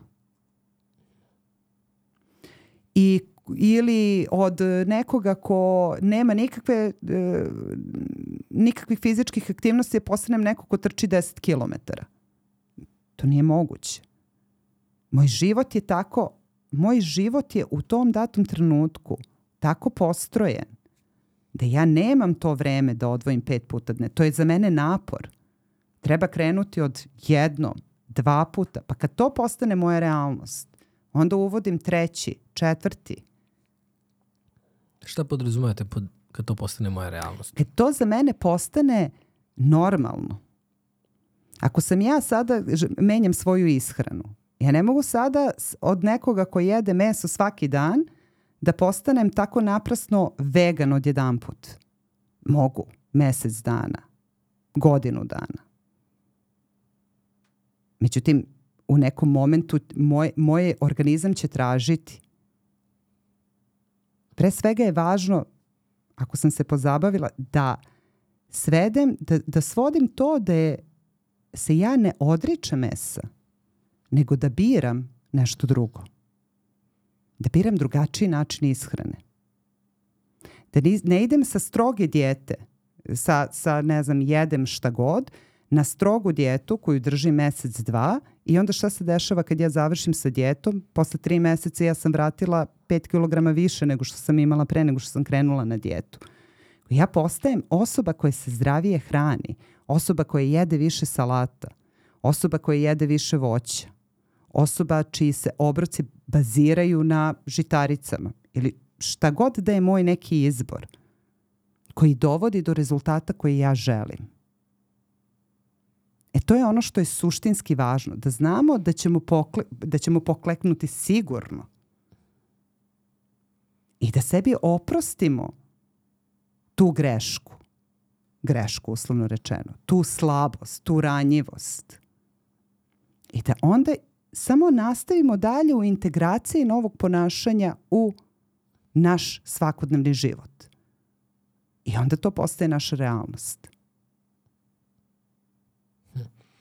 U Rich Roll, ne znam da ste čuli za mm -hmm. njega, ovaj, u jednom podcastu je pričao o svom putu, pošto on bio alkoholičar, i da mu je zapravo um, da, da ga je oslobodila ideja da nikada neće prestati da bude alkoholičar, nego da svaki dan će mu biti borba da se ne vrati alkohol. I da ga je to oslobodilo borbe. Da sve vreme dok je težio da ka tome da dođe na nivo svesti da mu se ne traži alkohol, da je sve vreme borio se sa alkoholom, alkohol ga je i urio. Ali onog trenutka kada je, on kaže, okrenuo sam se tome da znam da ja moram da donesem odluku da danas neću da pijem, tad je alkohol prestao da me juri. Ovo sada što ste mi pričali baš me podsjetilo na taj primjer uh, razumevanja zašto nešto radimo i da je to naša odluka. Pre neki dan smo snimali podcast i a, Strahinja Kukić je pričao o tome u stvari kako neke nagle promene u organizmu mogu uticati na promenu našeg mikrobioma potpuno pogrešno i dovesti nas u situaciju da se i razbolimo ili da počnemo da donosimo loše odluke jer ako loše spavamo i tako dalje i tako dalje. I da ja mislim iskreno da su ekstremne promene moguće, ali u ekstremnim situacijama i da smo vrlo, adap, vrlo lako se prilagodimo, zaista, ukoliko stvarno postoji neke ekstremna situacija. Ali za neku životnu promenu iz nekog komfora koji nama nije prijatan više, ali predstavlja komfort, predstavlja poznato, bilo koja vrsta nagle promene je samo zapravo rezultat te neke neiskrenosti prema sebi. To više nije čak ni pitanje discipline Mislim da je to samo ta iskrenost. Da li ja stvarno sam neko ko trenira pet puta nedeljno? Sad ne. Ali da li sam ja neko ko može trenirati dva puta? Vrlo. No, mnogo mi se dopao, mnogo mi se dopao taj primjer i taj stav ka, ka promeni, zaista. Upravo to. Mi često pokušavamo da postanemo preko noći neko ko sa čim mi nismo kongruentni, mi nismo u mhm. skladu sa tim. I podsjeća me na jednu priču uh, jedan moj bivši kolega je imao ujaka koji je prestao da puši i posle 13-14 godina je opet zapalio cigaretu. I priča on da kad ga je žena pita, pa dobro, što, što si, eto, 13 godina nisi pušio, a on kaže, ja više nisam mogu da izdržim.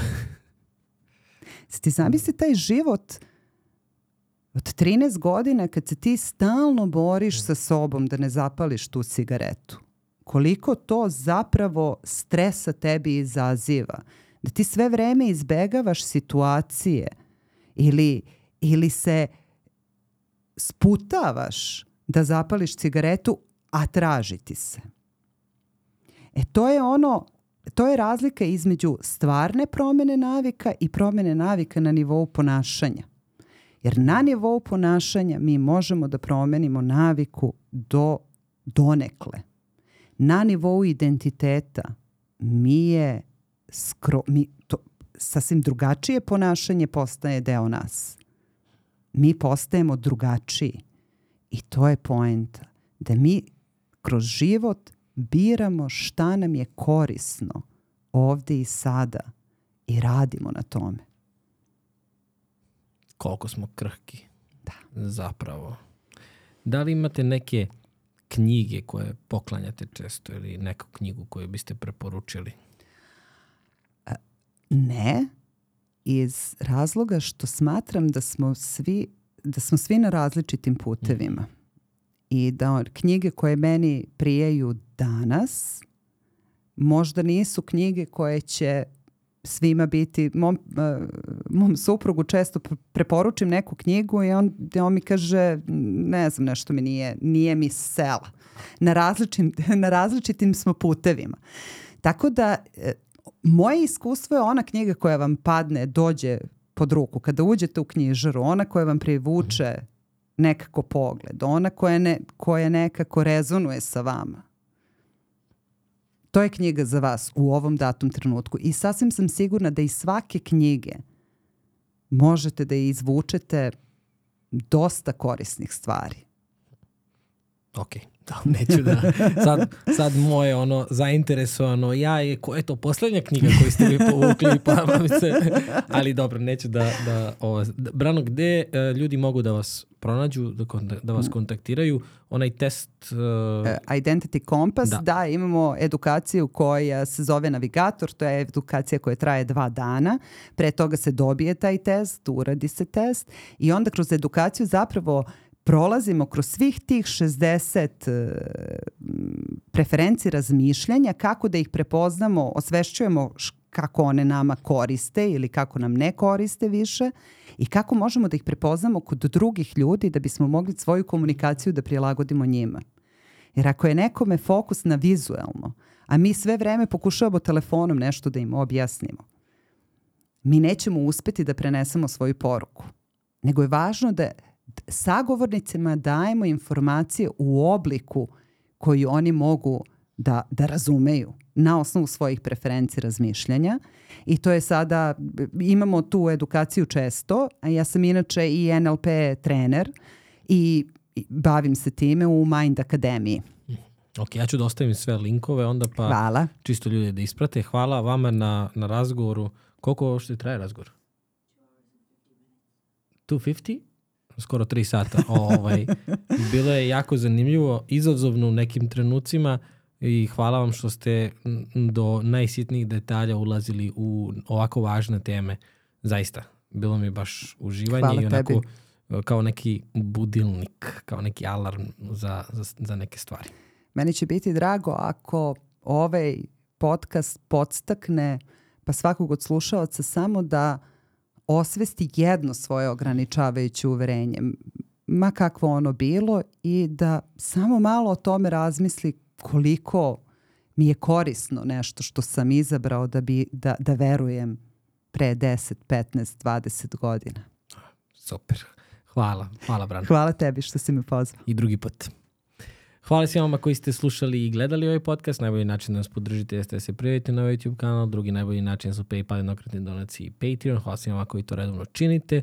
Naravno, hvala svim našim sponsorima. Možete ih naći u opisu. Nadam se da ste uživali i preporučujem da još jednom preslušate ovu epizodu sa papirom i olovkom i uh, uradite i vežbe koje je Brana preporučila, ali i postavite sebi neka važna pitanja. Uživajte i vidimo se sledeći put.